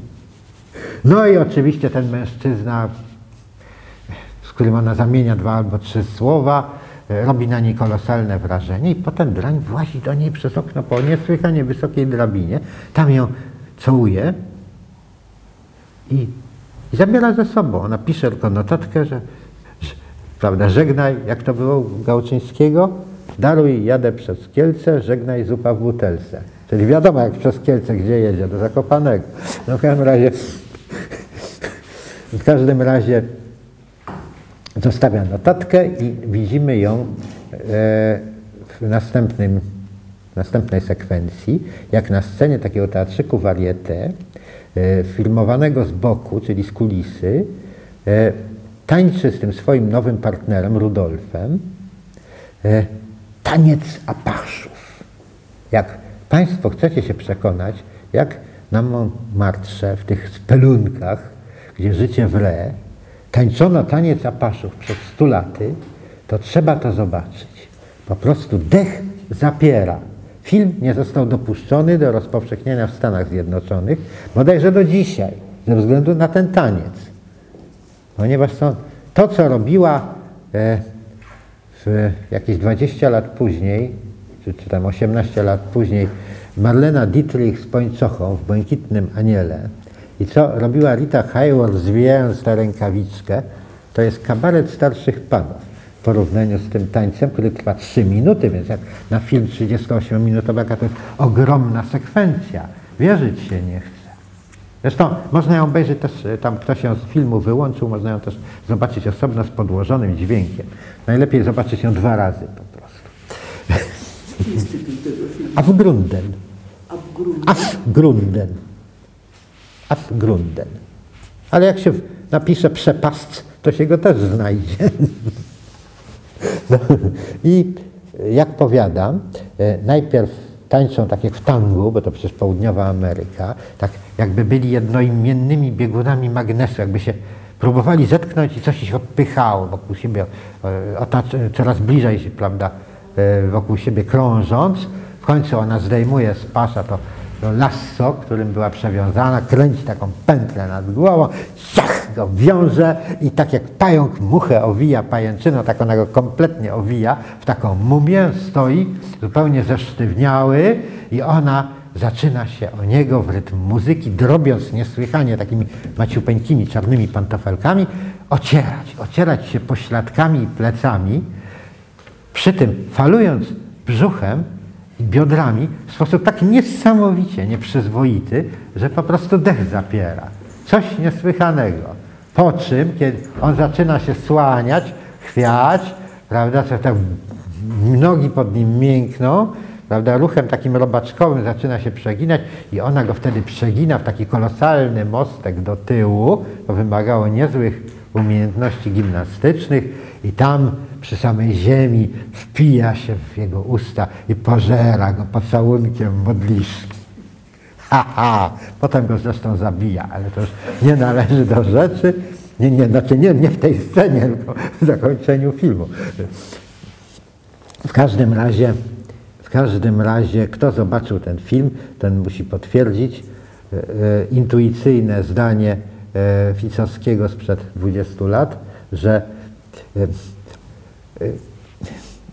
obcowanie z filmem niemym wpłynęło na wyobraźnię Brunona Schulza, na wyobraźnię erotyczną z całej pewności. I tutaj się zaczyna zabawa. Ponieważ, ponieważ e, ja w tych materiałach, prawda, w IMDB, e, oczywiście jest cała roleta, czyli tam, prawda, producenci, nazwiska aktorów, nazwiska odtwarza, imiona e, odtwarzanych postaci, rozpowszechnienie, nagrody, wszystko w ogóle, co być powinno, prawda? I ja widzę, jak się nazywa ta główna bohaterka. Ha, ha, ha, ha. Teraz nastąpi wielkie boom, ponieważ ona się nazywa Magda Wank przez V. Kto czyta Brunona Schulza, ten doskonale wie, kto to jest Magda Wank, co prawda przez W. Pochodzi ona z innej, innego opowiadania, e, mianowicie z opowiadania Brunona Schulza Księga. Księga jest już z tomu e, Sanatorium pod Klepsydrą. Jak Państwo może pamiętacie, e, chłopiec, który jest bohaterem tych opowiadań Schulza, pewnego pięknego dnia doszedł do wniosku, że odnalazł księgę, która we wczesnym bardzo dzieciństwie mu patronowała, taki mit, prawda, że jest taka księga, w której zawarte są wszystkie kształty świata, wszystkie kolory. On był w dzieciństwie namiętnym rysownikiem, nie nastarczano mu papieru. To jest bardzo skomplikowane. e, e, Wątki się tutaj krzyżują, nie mogę w to wnikać. W każdym razie e, tam ojciec mu podsuwa Biblię, prawdopodobnie ilustrowaną Biblię Dorego, bardzo rozpowszechnioną w domach, ogromną, taki w tej chwili ją wznowiono zresztą. Możecie Państwo zobaczyć, jak to wyglądało. Ale to nie, to nie Biblia jest tą księgą. I chłopczyk zaczyna szukać tej księgi i pewnego, w pewnym momencie zdaje mu się, że ją znalazł. Mianowicie w szafie bieliźniarce pod ciuchami służącej Adeli e, znalazł gruby plik e, jakiejś jakichś dziwnych druków, a mianowicie, jak możemy się domyśleć, to były strony jakiegoś almanachu, takiego połączonego z kalendarzem, którego ostatnie tam kilkanaście czy arkuszy było poświęconych reklamom. Reklamom e, rozmaitym, które były, którym towarzyszyły rysunki. E, i Adela mówi zimno, to nie jest żadna księga, my przecież pocz- z początku na podpałkę w piecu wyrywamy od niepamiętnych czasów kartki, prawda, codziennie tego jest mniej. Wtedy on zabiera ten szpargał i się nim nasładza, są tam rozmaite wspaniałe rzeczy, e, mianowicie reklama na przykład e, Katarynek i to od razu się z tego wywodzi cała, cały uboczny wątek o Katarynkach. E, reklama tej, tej oczywiście mam dziurę w głowie, tej taka sławna reklama sprzed I wojny światowej, środka na porost włosów, e, która mu towarzyszyła, e, towarzyszył wizerunek kobiety z lilią, mającej włosy 183 cm. E, pisał Miłosz o tej postaci z reklamy e, i Józef Witlin. Może pomożecie mi Państwo? Jak ona się nazywała? Ona się... Anna Cilak, tak, Anna Cilak, dziękuję. I ta Anna Cilak też powo- powoduje jakby wyłączenie się jakby osobnego wątku ubocznego i w końcu pojawia się nagle niespodziewanie, wyłania się z tej lektury Magda Wank. Tu przeczytam. Drobnym kroczkiem wychodziła spętana trenem sukni niejaka pani Magda Wank i oświadczała z wysokości ściągniętego dekoltu, że kpi sobie z męskiej stanowczości i zasad i że jej specjalnością jest łamać najsilniejsze charaktery. W tym celu istnieją metody, ciągnęła przez zaciśnięte zęby. Niezawodne metody, nad którymi nie chce się rozwodzić, odsyłając do swych pamiętników zatytułowanych z purpurowych dni. Wydawnictwo Instytutu Antropozofii w Budapeszcie, w których złożyła rezultaty swoich doświadczeń kolonialnych w dziedzinie tresury ludzi. Ten wyraz z naciskiem i ironicznym błyskiem oczu.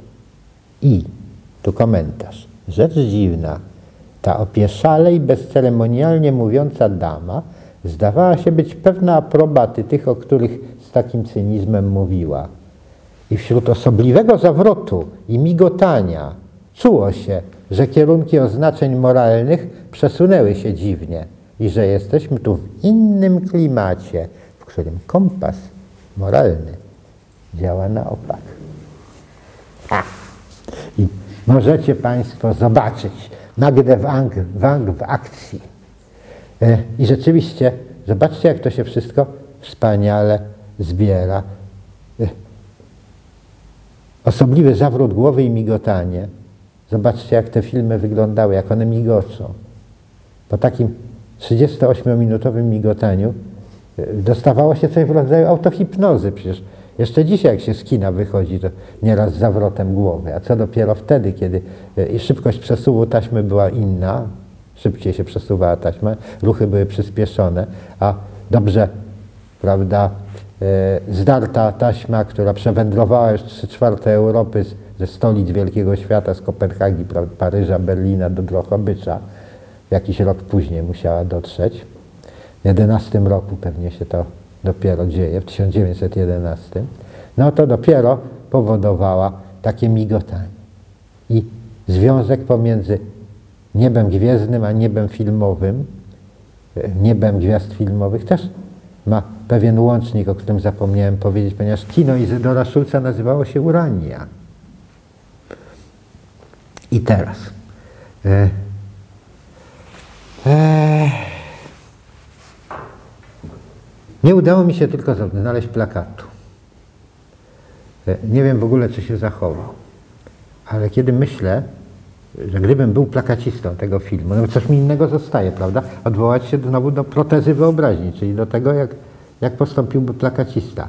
Gdyby ten film miał plakat i, yy, i gdyby był wykorzystany jakiś fotos, to wykorzystałby ostatnią scenę tego filmu, kiedy Magda Wang dokonała już zabójstwa w afekcie nożem stołowym yy, i wbili, wbiwszy yy, to narzędzie w klatkę z piersiami swojego niewiernego kochanka, zostaje wyprowadzana po schodach, dużych białych schodach z takiego takiej restauracji podmiejskiej z, z wyszynkiem i muzyczką ogródkową, gdzie, e, gdzie no, że tak powiem, zmarnowawszy swoją karierę i straciwszy dobre imię, e, przygrywa do kotleta na pianinie. E, Zabiwszy, zostaje wyprowadzana przez policjanta. To jest ostatnie ujęcie filmu. I schodzi po wielkich białych schodach. Zbliżeń jeszcze nie znano. Zbliżenia wprowadził, e, o ile wiem, dopiero inny duński reżyser Karl Dreyer. Męczeństwie Joanny Dark, sławnym filmie, który składa się prawie wyłącznie ze zbliżeń, gdzie taka autentyczna prostytutka nazwiskiem René Falconetti, niesamowitej, ekspresywnej twarzy, gr- grała rolę Joanny Dark, bo tylko ona się zgodziła dać się ogolić na łyso do tego filmu. No, Joanna jest na, odstrzyżona na zapałkę, na, na, na 3 mm po prostu.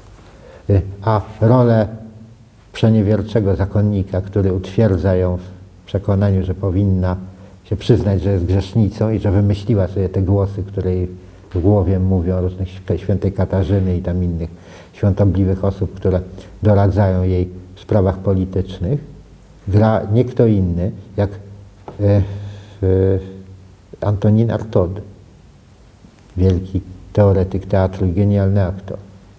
Otóż e, w roku 1910 jeszcze zbliżeń nie znano, ale zastosowano coś najbardziej możliwego, co może je zastąpić. Mianowicie twarz Astrid Nielsen znajduje się dokładnie na pionowej osi ekranu i pomalutku się przesuwa z góry, jak ona schodzi po tych schodach w dół, przez sam środek. Policjanta nie widać ciągle, bo jest tylko do torsu, nie widać jego głowy. E, I w pewnym momencie, na moment ona się zatrzymuje na środku geometrycznym ekranu. I widać tę twarz, taką jak z tego opisu, z tym piętnem śmierci, rozdartymi ustami i podlanymi czernią oczyma. I oczywiście, gdyby plakat miał powstać, to z tego właśnie tragicznego wizerunku.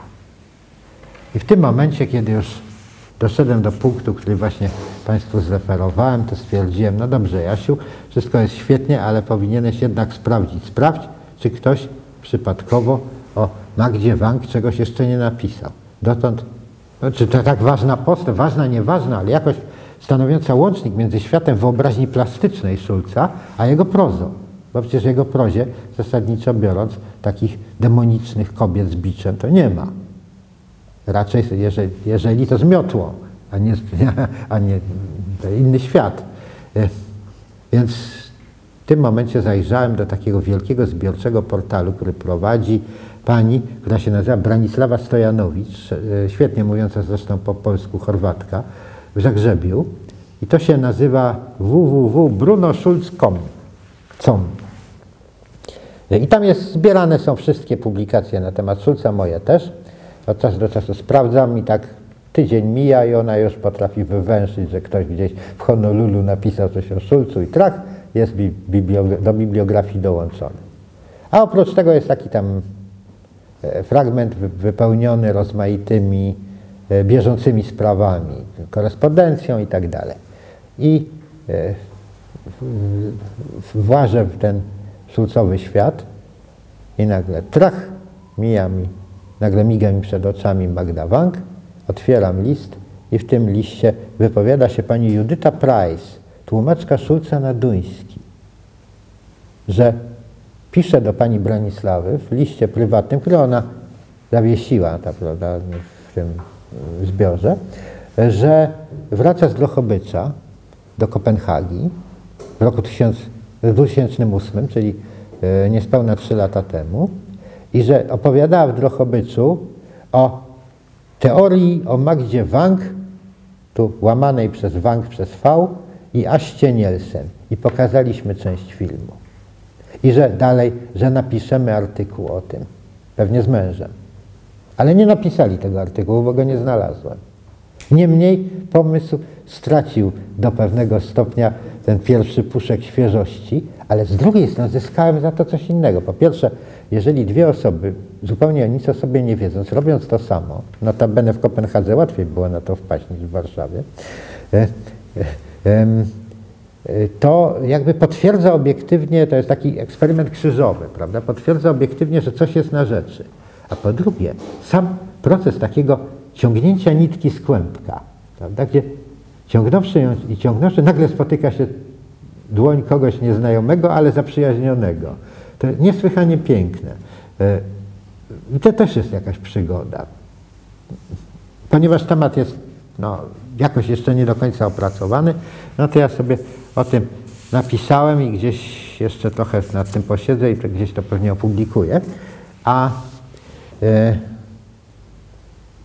do Szulca i jego tajemnic, które są niezgłębione, to jest e, więcej niż pisarz i więcej niż rysownik, e, może filozof, jedna z najważniejszych postaci e, kultury polskiej XX wieku, a może kultury polskiej w ogóle. E, I e, ostatnio ktoś mi o nim coś napisał i przysłał. E, Napisałem taki list do niego, mój drogi. W przypadku Brunona Szulca możesz wykonać eksperyment, który przy innych polskich pisarzach, takich jak Gombrowicz czy, czy Witkacy, jest niemożliwy, ponieważ cała twórczość Szulca mieści się w jednym niezbyt grubym tomie. Możesz wziąć ten tom do ręki, zważyć go i powiedzieć sobie taką mantrę, najlepiej trzy razy. Bruno Schulz był jednym z najbardziej wykształconych ludzi w Polsce.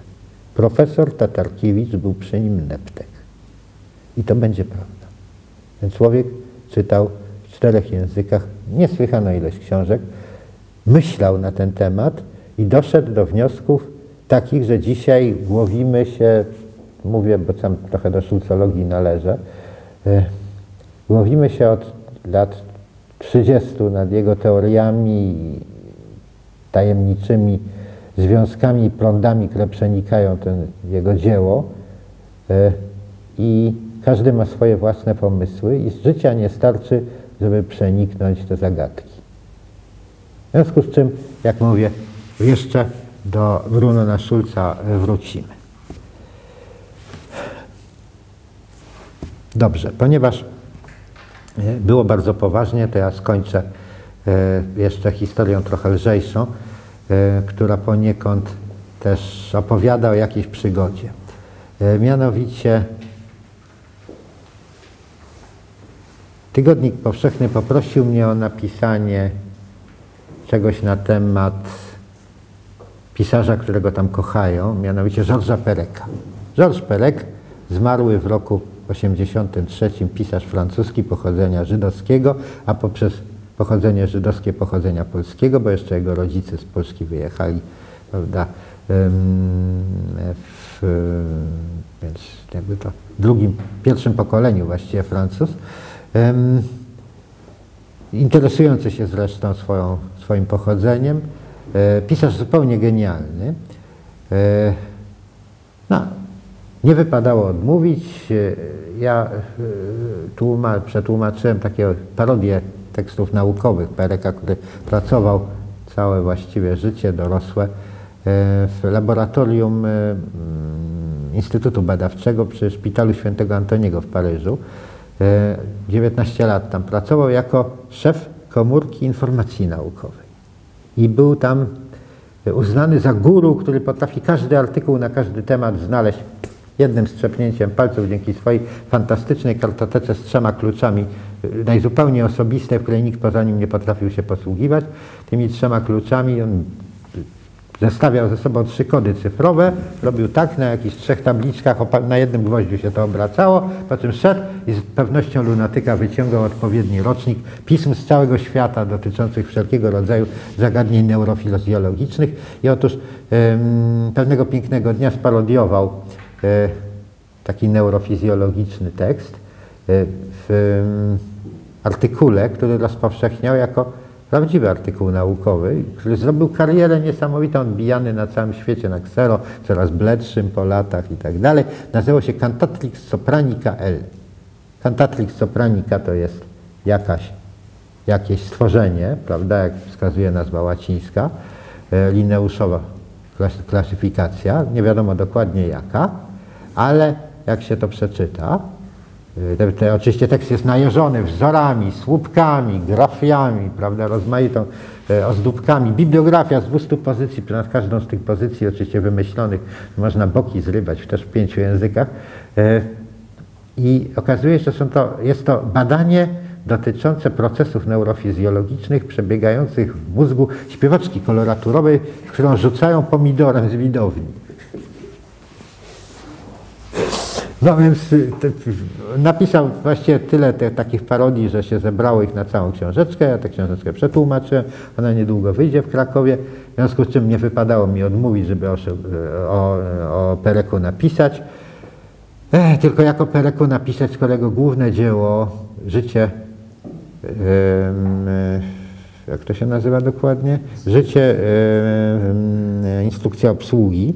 To jest 700 tomów, 700 stron głównego tekstu powieści, plus indeksy, repertoria, powtórzenia, spisy treści, klucze jakieś nieprawdopodobne. Jest, to jest naj, oczywiście jest to niesamowicie fikućna rzecz, ale czyta się z takimi oczami na słupkach, ponieważ oczywiście opowiedziane tam jest około 230 pasjonujących historii, które się nawzajem przeplatają, e, mm, gdyż łączy je e, oprócz pewnego tam tajnego klucza miejsce takie dosyć umowne, mianowicie dziesięciopiętrowa paryska kamienica, do którego każdej ze stu pomieszczeń e, zaglądamy tylko raz. I coś musi przykuć uwagę narratora i on opowiada w związku z tym jakąś historię. Albo któryś z lokatorów, albo, albo jakiś przedmiot, który tam jest, jeżeli nikogo nie ma w pokoju. I oczywiście y, łatwo sobie wyobrazić ten dom, z którego zdjęto przednią ścianę, jako szachownicę stupolową 10 na 10, y, którą zwiedzamy ruchem konika szachowego, który startuje z pola numer 51 w samym środku, po czym się porusza rozdział po rozdziale, nigdy nie trafiając w to samo miejsce, przy czym, żeby nie było tak symetrycznie, całkiem dolny lewy kwadracik tej stupolowej szachownicy został złośliwie usunięty. Także od 67 rozdziału i pomieszczenia em, obejmującego klatkę schodową, strychy, dwa piętra piwnic, dach, prawda, co kto chce, e, apartamenty słabe, e, znaczy duże apartamenty, zwyczajne mieszkania, klitki na trzecim piętrze, prawda, jakieś mansardy, e, szyb windy, no, więc od 67 e, pomieszczenia e, jest już zafałszowana numeracja. E, Jest to książka, w której można wędrować całe życie, badając stosunki pomiędzy poszczególnymi lokatorami, a zwłaszcza pewną e, prawda, legendę centralną, która łączy wszystkie wątki, mianowicie głównym lokatorem tego, tej kamienicy na ulicy Simon Crimbelli y, był pewien milioner nazwiskiem Bartle Booth, Angol, który y, nudząc się w życiu wymyślił sobie, że będzie jeździł po świecie i malował em, malował e, akwarelki, tak jak Anglicy malują akwarelki, będzie malował akwarelki z miejscowości portowych. Bardzo często akwarelki e, obejmują właśnie mariny, tematy morskie, bo zarówno morze, jak i niebo wyjątkowo dobrze się w akwareli udają. No i e, rzeczywiście najpierw się uczy akwareli u mieszkającego w tej samej kamienicy malarza, potem przez 20 lat jeździ, Potem z każdego, y, namalo, każda namalowana, a tam wojny się toczą, wojna światowa, takie różne rzeczy, nic go to nie, nie przejmuje. Z każdego y, portu, który zwiedza na całym świecie, y, jedną taką akwarelkę maluje, przesyła ją do Paryża. Następnie mieszkający w tej samej kamienicy taki magik mechanik, trochę artysta, a trochę rzemieślnik, y, tnie te, nakleja te, te tę akwarelkę na, na drewno i tnie ją na, skra, na, na jak to się nazywa, na takiego, e, takiego, takiego no, ojej, e, puzla, o, na puzla. I te puzzle są, ponieważ właściwie ten e, rzemieślnik przykuty do tej roboty, która oczywiście jest dobrze płatna, ale okropnie dla niego nużąca, całe życie mu zajęła, e, 20 lat, prawda, robił puzzle dla Bartlebuta, e, no to siłą rzeczy e, każdy puzzle następny jest coraz bardziej złośliwy, coraz trudniejszy do, e, do ułożenia. I kiedy wreszcie ostatni puzzle zostaje ułożony, tam jeszcze są różne dodatkowe elementy tej procedury, Bartlebut traci wzrok nad ostatnim puzzlem i nie może go w żaden sposób ułożyć.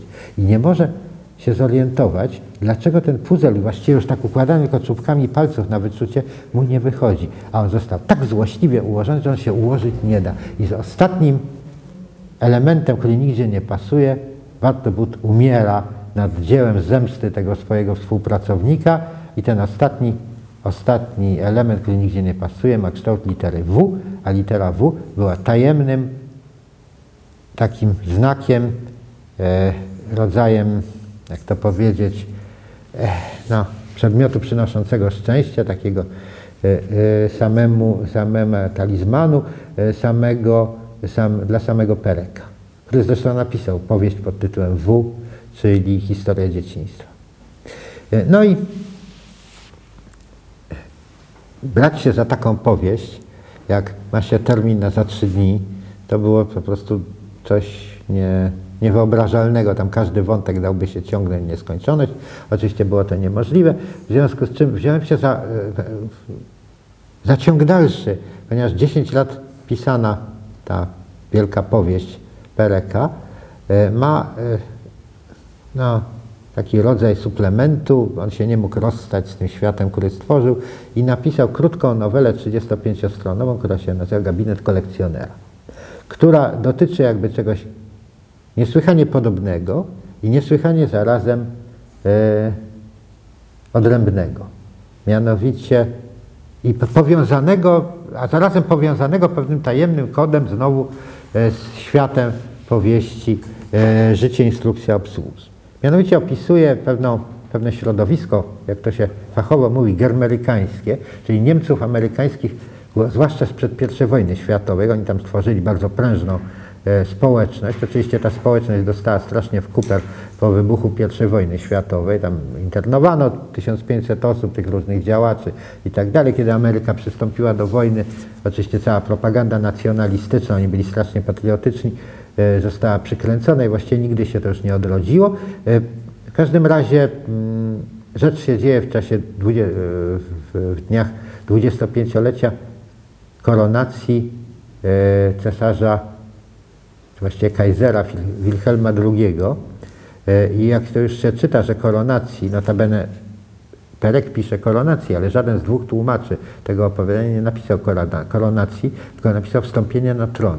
Różnica jest kolosalna, ponieważ Wilhelm II nigdy nie odbył koronacji, ponieważ wstąpił na tron w trybie nagłym po śmierci swojego stryja, bodajże e, cesarza Fryderyka III, który panował tylko 99 dni, miał raka gardła i umarł. I to, że tak powiem, faktyczne zajęcie tronu cesarskiego Wilhelmowi, czyli Wilusiowi, zupełnie wystarczyło. E, No więc już od razu widzimy, jak to jest piąte zdanie tekstu, że coś będzie tutaj, uważać trzeba będzie z tą lekturą, że oryginał daje, puszcza takie oko.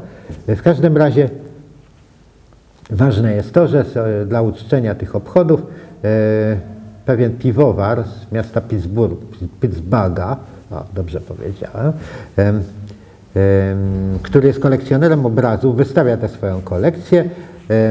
No i ta kolekcja na początku nikt, nie, nie, nikt większej uwagi na nią nie zwraca w natłoku innych atrakcji e, związanych z tym jubileuszem, ale e, w pewnym momencie zaczyna przybywać publiczność, ponieważ okazuje się, że jest tam niesłychanie ciekawy obraz. Mianowicie pan Raffke e, zlecił młodemu malarzowi nazwiskiem Kurz, Kurz żeby namalował obraz przedstawiający całą kolekcję pana Raffke. Tak jak to się nieraz robiło w XVII-XVIII wieku, powstawały całe wizerunki kolekcji, e, zwłaszcza w malarstwie tak niderlandzkim, ówczesnym. Nazywa się to przeważnie gabinetami kolekcjonera. I stąd tytuł książki. Gabinet kolekcjonera. E, w tym przypadku Obraz przedstawia pana Rawskiego siedzącego na fotelu i kontemplującego swoje obrazy, przy czym całą salę wystawową zawieszono w ten sposób, że na środku jest ten wielki obraz pana Kiurca, e, a naokoło wiszą te obrazy, które są odmalowane na tym obrazie. E, Oczywiście na obrazie są namalowane w pomniejszeniu i ka- każdego brała chęć, żeby sprawdzać, czy są dobrze e, zreprodukowane przez artystę. Okazało się, że ta zabawa ma również trzeci stopień, mianowicie na, na tym obrazie namalowanym, prawda, e, jest znowu jeszcze raz na, namalowany obraz, prawda, przedstawiający kolekcję pana Rawskiego i jeszcze raz wisi na tym obrazie obraz Kurca, na którym jeszcze raz namalowane są obrazy z kolekcji Rawskiego i potem jest czwarty stopień i piąty i szósty i siódmy i ósmy. I w mieście całym wykupiono lupy e, i e, ludzie wspinając się sobie na karki, odciągani przez strażników, sprawdzali, że na ósmej jeszcze wersji pan Rawkę, który ma już tylko pół milimetra, jest otoczony przez obrazy prawda, i tak dalej, i tak dalej. Więc to tak to się, to się nazywa w języku fachowym historyków sztuki mise en abîme. Ucieczka jakby w, w głębie, w otchłań, e, w minus nieskończoność, jakbyśmy rzekli. E, I e, No i ja pisałem o tym opowiadaniu. Co napisałem, to Państwo przeczytacie w przyszłym tygodniu w Tygodniku Powszechnym. Natomiast ważne było to, e, co mi się udało zauważyć e, w, e, przy okazji. Mianowicie cała koncepcja sztuki, która przy tym przez tych krytyków, którzy jakby komentowali tę wystawę, polega na tym, że zostaje zlikwidowane pojęcie oryginału. Istnieją tylko kopie, sztuka jest kopiowaniem, Każdy artysta właściwie naśladuje jakiegoś innego artystę, e, a odbiorca jest e, uzależniony od tego całego ciągu nawzajem się naśladujących artystów malarzy, artystów rzeźbiarzy i tak dalej. E, Jestem trochę kimś takim jak, jak ten układacz puzla, który no, w końcu układając puzla powtarza te ruchy, które przed nim wykonał i które narzucił mu e, ktoś, kto tego puzla wymyślił i pociął.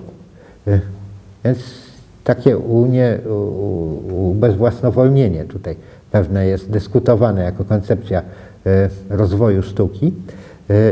I odbywa się to nie tylko w tonacji tak pół serio, prawda, wykładającej tę całą kole, historię kolekcji, ponieważ kolekcja w pewnym momencie została, znaczy obraz Kurca został oblany tuszem przez kogoś, kogo w końcu to wszystko zirytowało i z żalu pan Rawkę umarł, został wypchany przez znakomitego wypychacza i pochowany w swoim rodzinnym mauzoleum z tym sprofanowanym obrazem, siedzący, prawda, i kontemplujący go tak jak siedział i kontemplował go na obrazie pokazanym na wystawie.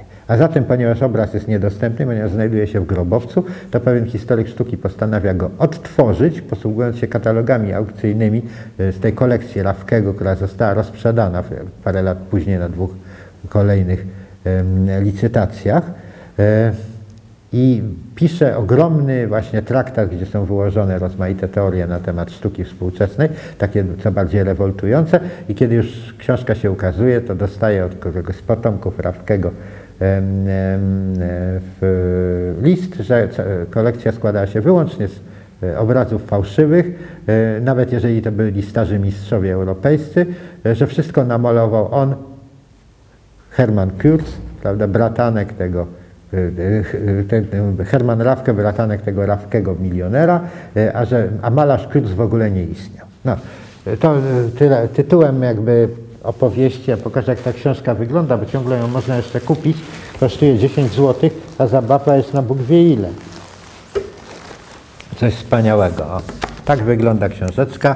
Y, y, Poprzednio potem ukazało się w roku 2003 inne, inne wydanie w tłumaczeniu Michała Pawła Markowskiego, obecnie e, University of Chicago, Illinois, prawda, y, y, z tekstem chyba stustronowy, stustronowy wykład y, rozmaitych paradoksów, które w, tym, w tej historii są zawarte.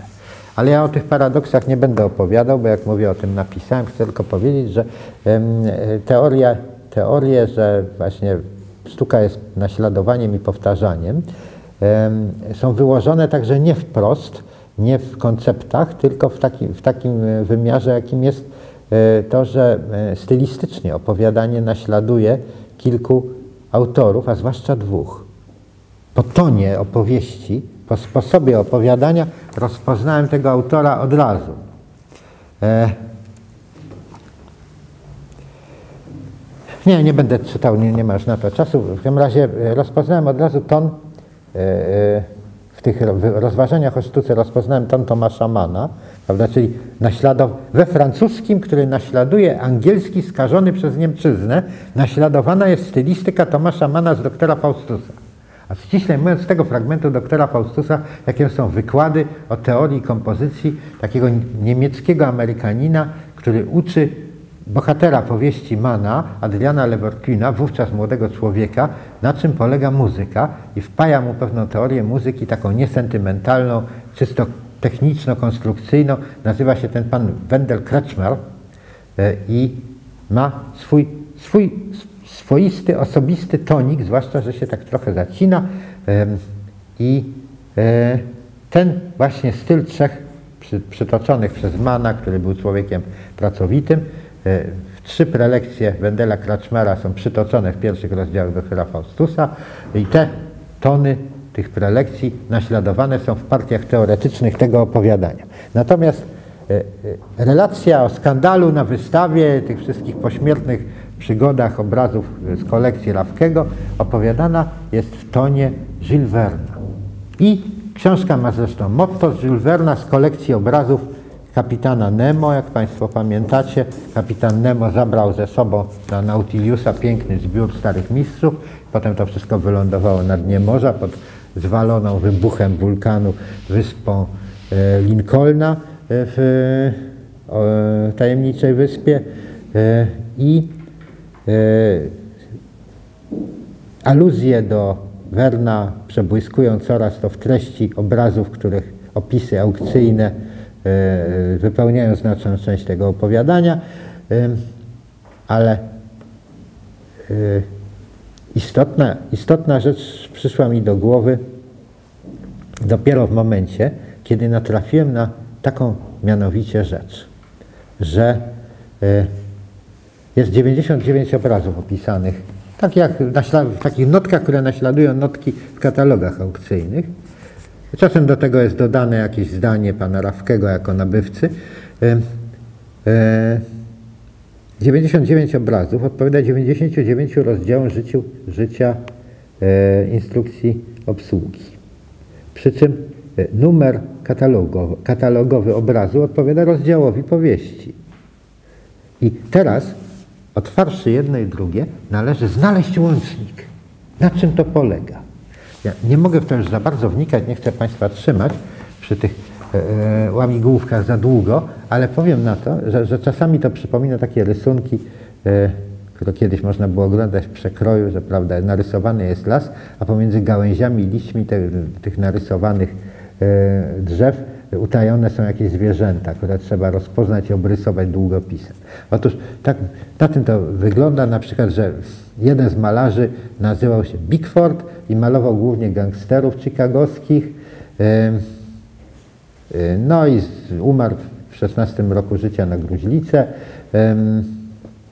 Różne są anegdoty z jego życia i tak wszystkie wodzą nas po manowcach złośliwie, ale tak naprawdę jak się otworzy stosowny rozdział życia instrukcji obsługi, to jest opis zaplecza antykwariatu, który mieści się na parterze i tam oprócz różnych rzeczy, tam na, na 15 stronach druku, jest pudełko z żołnierzykami z I wojny światowej, jest oficer, który ogląda przedpole przez lornetkę, artylerzysta niosący pocisk i e, facet, który rozwija linię telefoniczną i saper, który niesie zwój lądu błyskawicznego Bigforda.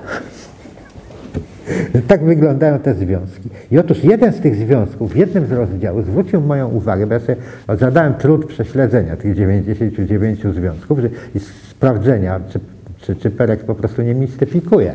Otóż, otóż e, rozdział, o którym mi chodzi, e, 31, dotyczy e, obrazu przedstawiającego grupę podoficerów e, z wojny secesyjnej.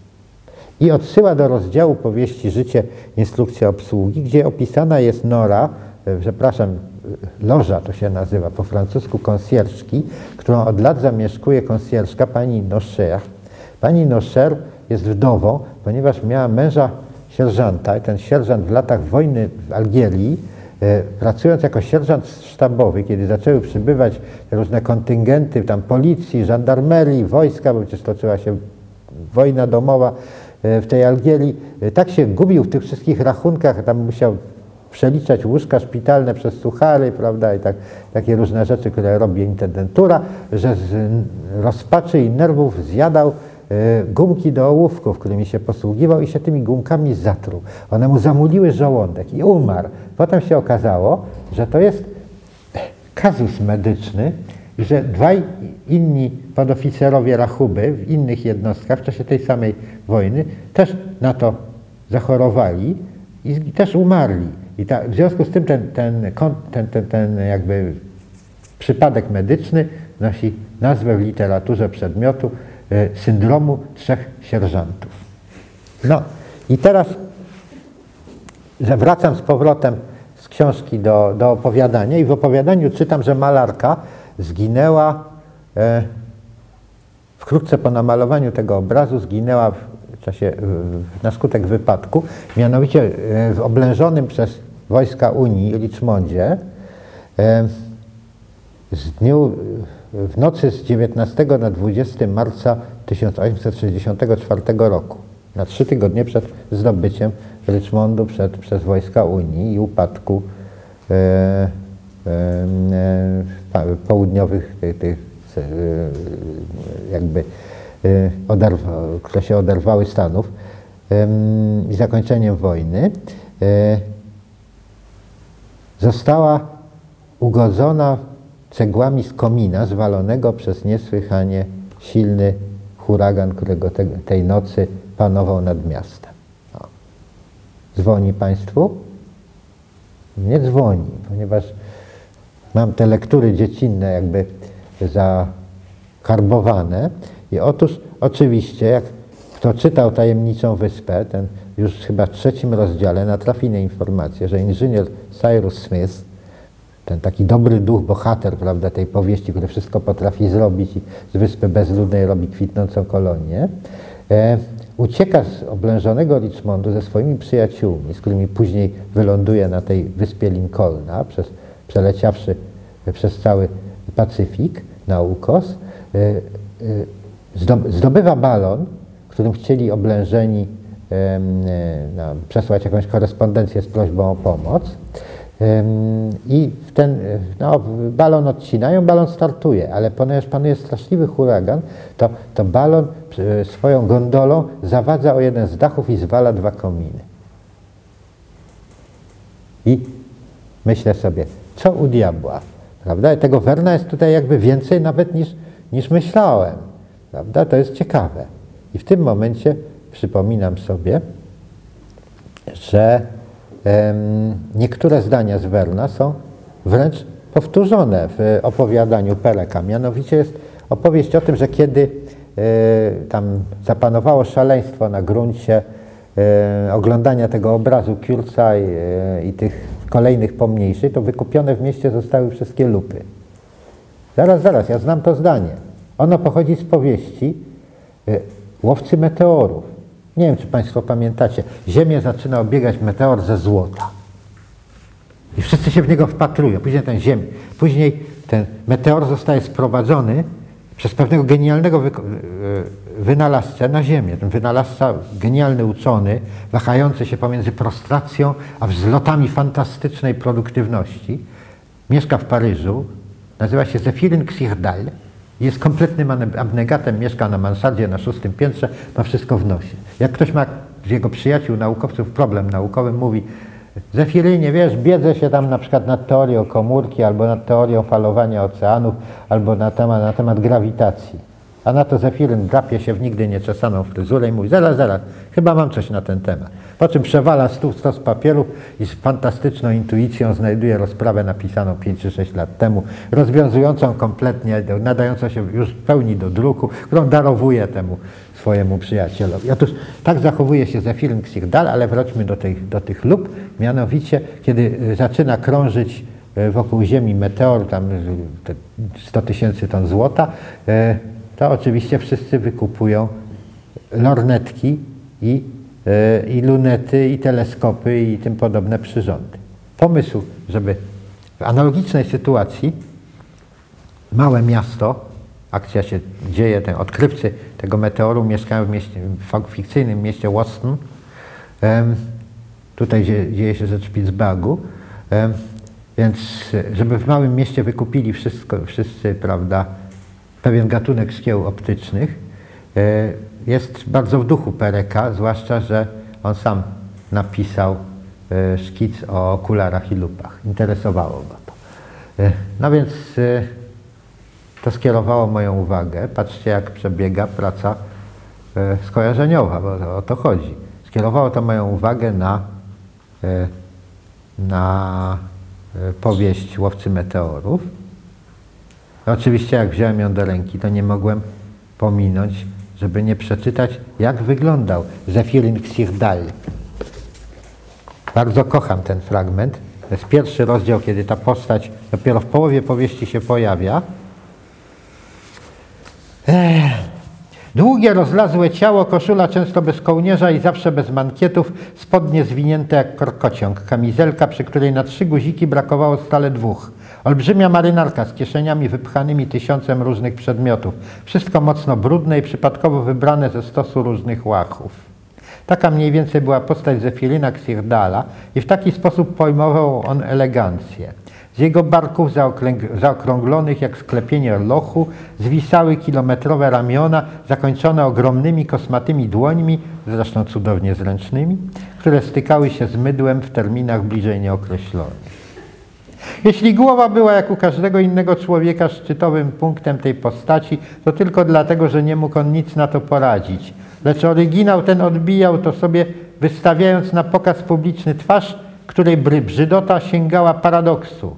Trudno sobie jednak wyobrazić coś bardziej pociągającego niż owe rysy, nieregularne i pełne sprzeczności. Ciężki kwadratowy podbródek, wielkie usta z grubymi wargami, pełne wspaniałych zębów, Szeroki, spłaszczony nos, uszy o brzydkich muszlach, zdające się z obrzydzeniem unikać kontaktu z czaszką. Wszystko to nasuwało tylko bardzo pośrednie skojarzenie z pięknym Antinousem.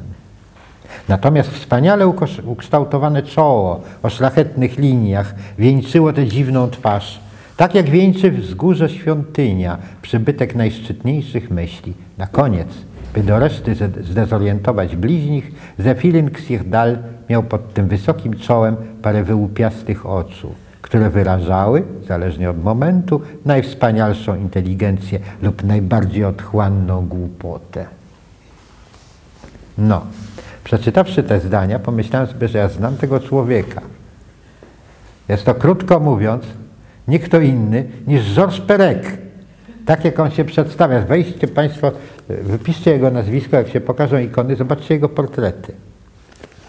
Mam tutaj numer literatury na świecie sprzed lat, oho, już 15, 16, gdzie są jego podobizny, wizerunki i teraz.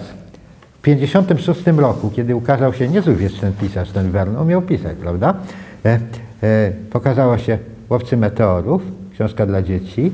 Daniel Mróz, znakomity rysownik, znany z przekroju, nieżyjący już niestety, musiał tego Zefirina Ksirdala sportretować. No, to go sportretował. No i kogo widzimy? Georgesa Pereka. Jak to wytłumaczyć inaczej, jak nie metafizyką?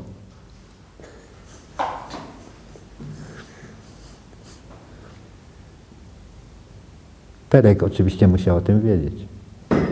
Nie, znaczy musiał wiedzieć, że jest podobny do Zefirina Ksirdala, ale nie wiedział, że w Polsce jest rysownik, który wtedy, kiedy on miał jeszcze tam niespełna 30 lat, już go sportretował w wieku dojrzałym, jako w tym wieku, w jakim miał Perek, kiedy pisał Gabinet Kolekcjonera.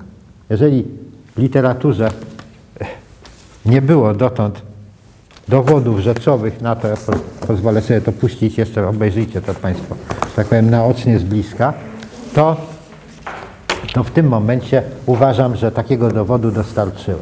I na tym dzisiaj poprzestaniemy. Dziękuję.